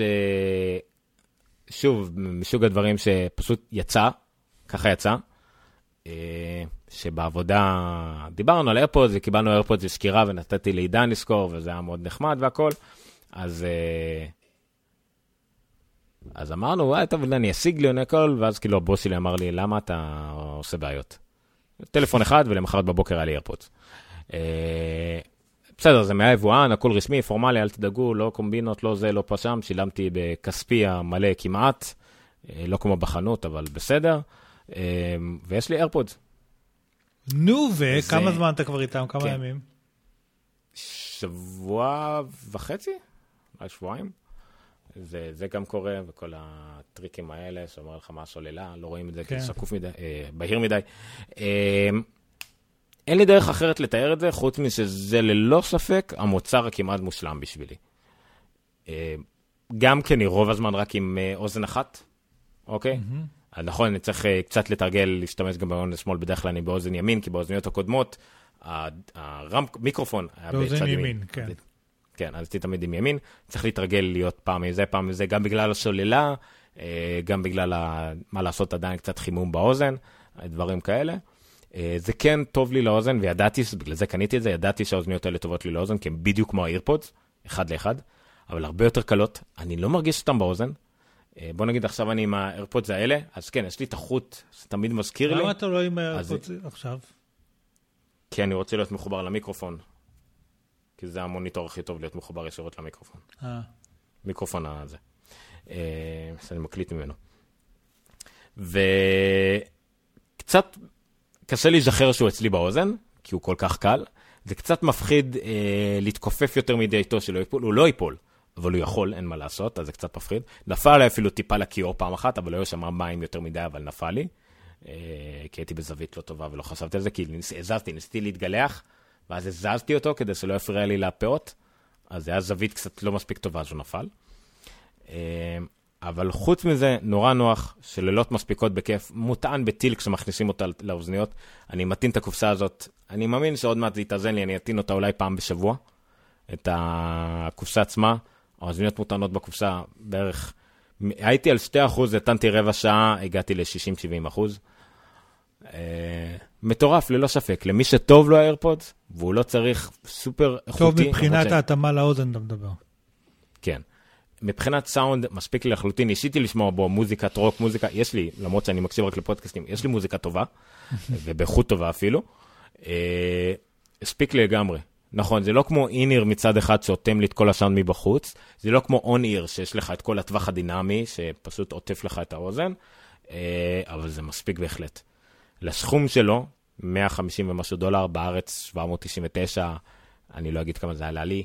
אה, זה בהחלט שווה את זה, למי שגם ככה משקיע באוזניות ואוהב את האלחוטי ואת הדיבוריות ואת הכל, בכיף. האוזניות הקודמות שלי, אני לא יודע כרגע איך אני אשתמש בהן, הן סוג של גיבוי, אה, ואם אני אחזור לעשות ריצות וכאלה, אז כן, עדיין יותר נוח לי לרוץ עם אופניות ספורט, עם, אה, עם שרוך מאחורה. אה, לרוץ, ללכת, על מי אני עובד, אני הולך מהר. פתאום לא להסיר רץ. את ההדפון ג'ק נראה סביר. אני מראש לא השתמשתי באייפון זק, זה גם עוד משהו שאני צריך להגיד על האייפון 7. אמנם עלה לי 30 ומשהו דולר המתאם הזה, של uh, שני, uh, עם Lightning ואוזניות. Uh, לא Lightning ואוזניות, שני לייטנינגים, לא משנה. אמנם עלה לי קצת כסף וכ- ומתאם, וקניתי עוד שני מתאמים, אבל עכשיו שאני נכנס לאוטו, אני מחבר רק כבל אחד. ולא כבל וגם כבל של אוזניות. כן, נכון. מבחינתי הרווחתי. המצב רק יותר טוב. אז לא אכפת לי. אה, אז כן, אף פעם לא השתמשתי בתור יציאה באוזניות, עכשיו האייפון הרבה יותר יפה, סימטרי, לא הפריע לי, לא חשבתי על זה יותר מדי. אה, כן, כי אתה היית עם זה- Jaybird רוב הזמן, לא? כן.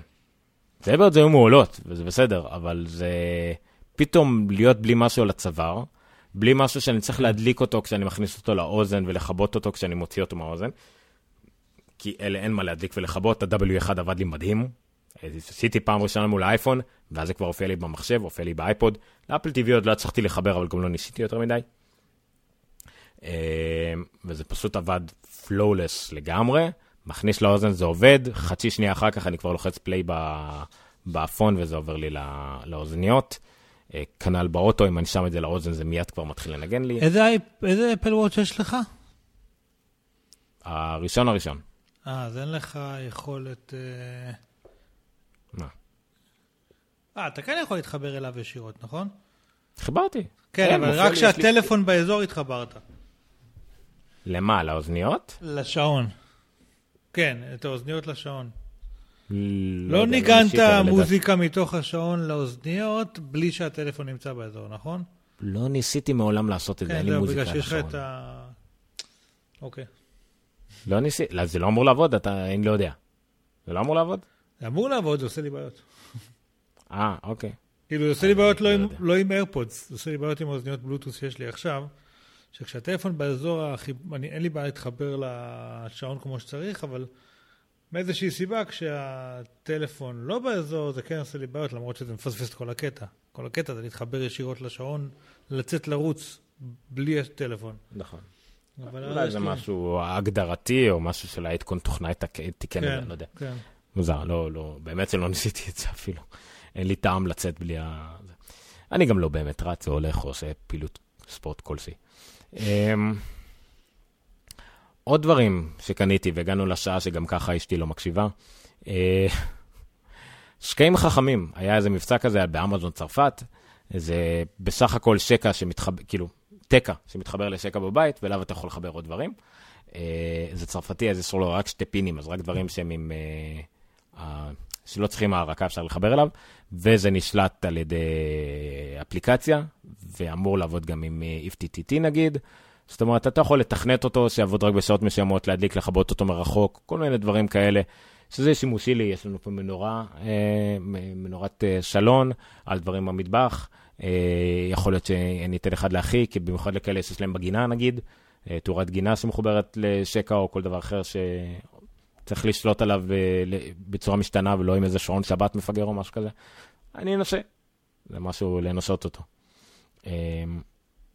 יש לי גם שעון שבת עכשיו שאחראי על המאוורר שלי, של הארון, של הארון תקשורת. אז שמתי כאילו שלא יעבוד אה, כן. כשאני צופה בטלוויזיה, שאלה שלי רעש, אז גם על זה אפשר לשלוט. אה, וזהו. מה עוד? אה, קניתי קינדל, קינדל פרפל ברייט. למה? עכשיו, היה זה מבצע של עכשיו? כן. אז אני מה זה כן. התלבטתי לקנות את הפייפר ווייט, ואז אמרתי, אני, בתור קינדל זה הקינדל שאני הכי רוצה, כן? לא, יש עכשיו את הווייר, וויג'ר, איך קוראים? לא, 150, 170 דולר, לא... לא משנה, אמרתי, אני עובד? אקנה עכשיו קינדל. עכשיו, יש לי קינדל, כאילו, את הדור הראשון עם המקלדת עליו. ואני אומר, אני כל כך לא קורא בו כלום, שאני לא הצלחתי להצדיק בפני עצמי את המבצע המעולה שיש עכשיו. זה מוביל אותי לטיפ. אני אכניס את הטיפ עכשיו. כן. אמזון הכניסה ל-iOS את האפשרות של send to Kindle בתור share sheet. כמו שאני לא עושה למשל. אני רואה דברים ש... אה? מה, על אה, ישר. כתבות כאילו? הכל. אני עד עכשיו שלחתי דברים לאינסטפייפר, ואינסטפייפר פעם בשבוע היה יכול לייצא לי לקינדל כמו מגזין כזה. אוקיי. אז עכשיו יש לך תוסף מובנה ב-iOS. כל דבר, כל כתבה, share to, מופיע לך שם קינדל, קינדל, וזה. מופיע לך בכל הקינדלים שלך.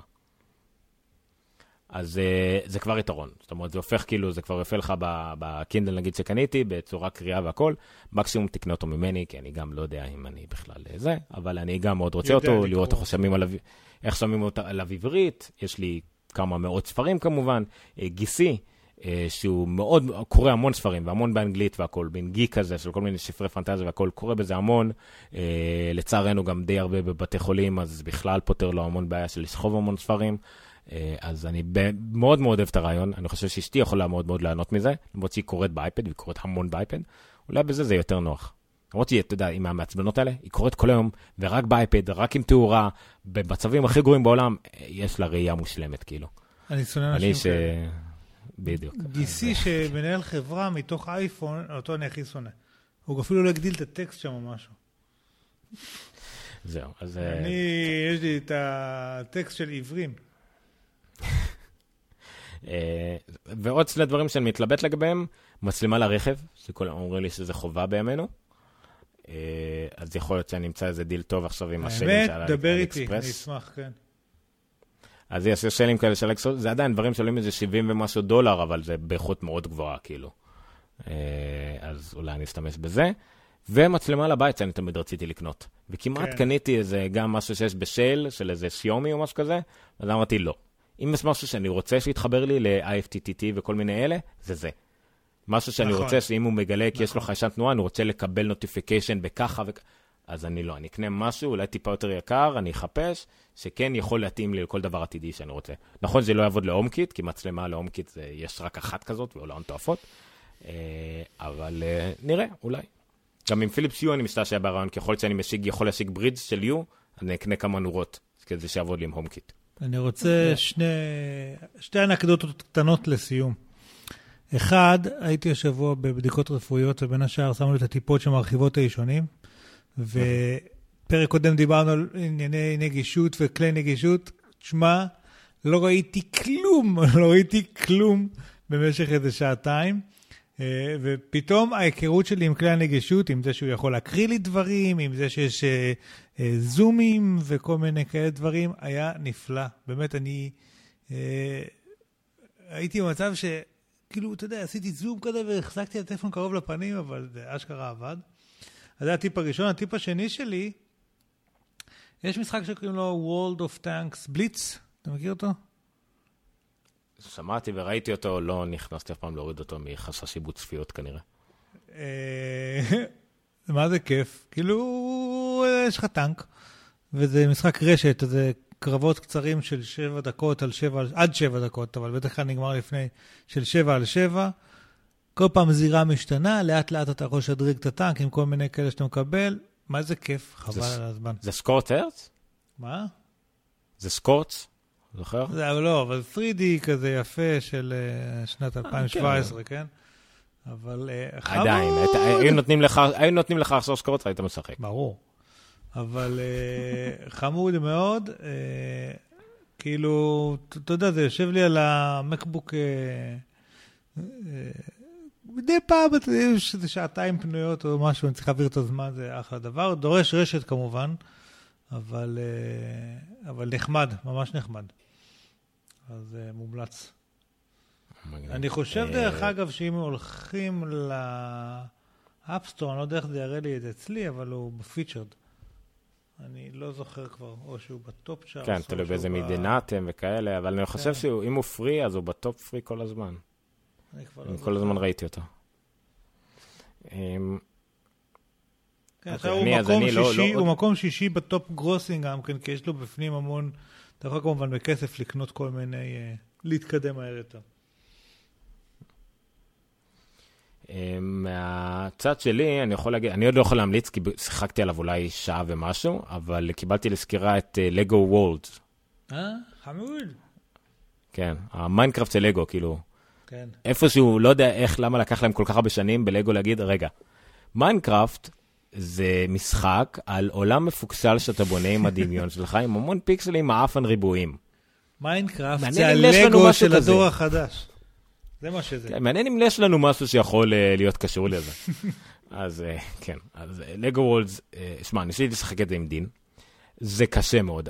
ילד לא יכול לשחק בזה לבד דובר עברית. יש שם יותר מדי, לפחות בהתחלה, הוראות של מה לעשות. זה קשה להתמודד ביניהם, כי זה כמו קווסטים. זאת אומרת, יש לך דמות שאומרת באנגלית מה, מה, צריכה, מה אתה צריך לעשות. כן. אז זה קצת מעצבן. אה, זה גם קצת קשה, אבל אה, הרעיון מגניב. זאת אומרת, בהתחלה אתה רק עושה דברים יותר סיפוריים, עם הזמן אתה משיג המון המון המון אבנים ודמויות, ואתה יודע, כל מיני כלים לגו מכל מיני סוגים, ובשורה התחתונה שעוד לא הגיע אליה, אתה יכול גם לבנות המון עולמות משלך. ואתה רואה את זה לפי זה שאתה הגעת לעולם בלי שם. העולם, כאילו יש לו שם לעולם באופן כללי, אבל כתוב לך זה עולם מספר, מספר של תשע ספרות, אוקיי? כן. אז זה כנראה כמות העולמות שיש שם, כמות העולמות שאתה יכול לעשות, לא כולל האונליין וכל מה שאחרים יעשו. זה כאילו משחק שיכול להיות בלי סוף. שהוא עולה כמה שהוא עולה בהתחלה, וגם אתה יכול לקנות בו עוד מיליון דברים. זה יכול להיות, אם הם לגו יעשו את ה... ישחקו בקלפים שלנו כמו שצריך, יוסיפו גם כן את כל הדברים שיש להם כמו מארוול וכאלה, כי כרגע יש שם בעיקר את הקלאסים, אה, וסטאר וורס והכל. זה משחק שיכול לשבור את העולם לדעתי. כן, נכון, הוא לא כמו הקסם וגם. הזה של מיינקראפט, של להקים שרת אצלך, ומודים וכל זה, אבל זה משחק שיכול לשבור את העולם. ואני אתן עוד חוויות עליו, ואני אתן אחר כך גם, אני אתן לך גם לשחק אותו עם הילדים שלך, כן, לדעתי הם בטווח גילאים הרבה יותר אה, מתאים. אני, אני אעביר אותו אליך אחר כך נראה לי, אתה טווח גילאים הרבה יותר מתאים, כי כרגע אני משחק. ניסיתי לשחק גם עם דין בלגו סטאר וולס אחר. הג'ויסטיק קטן לו, אה, גדול לו, כאילו, הוא לא מצליח להגיע. זה, זה זינגל השיום שלנו. זהו, אני מקליט, וזה שיר השיום שלנו. יאללה, תודה רבה שהייתם איתנו. הנונקאסט 164. אה, נונקאסט בפייסבוק, שם, הכל. תאמינו לנו, גם הטוויטר הכל. תגיעו לשם. לילה טוב.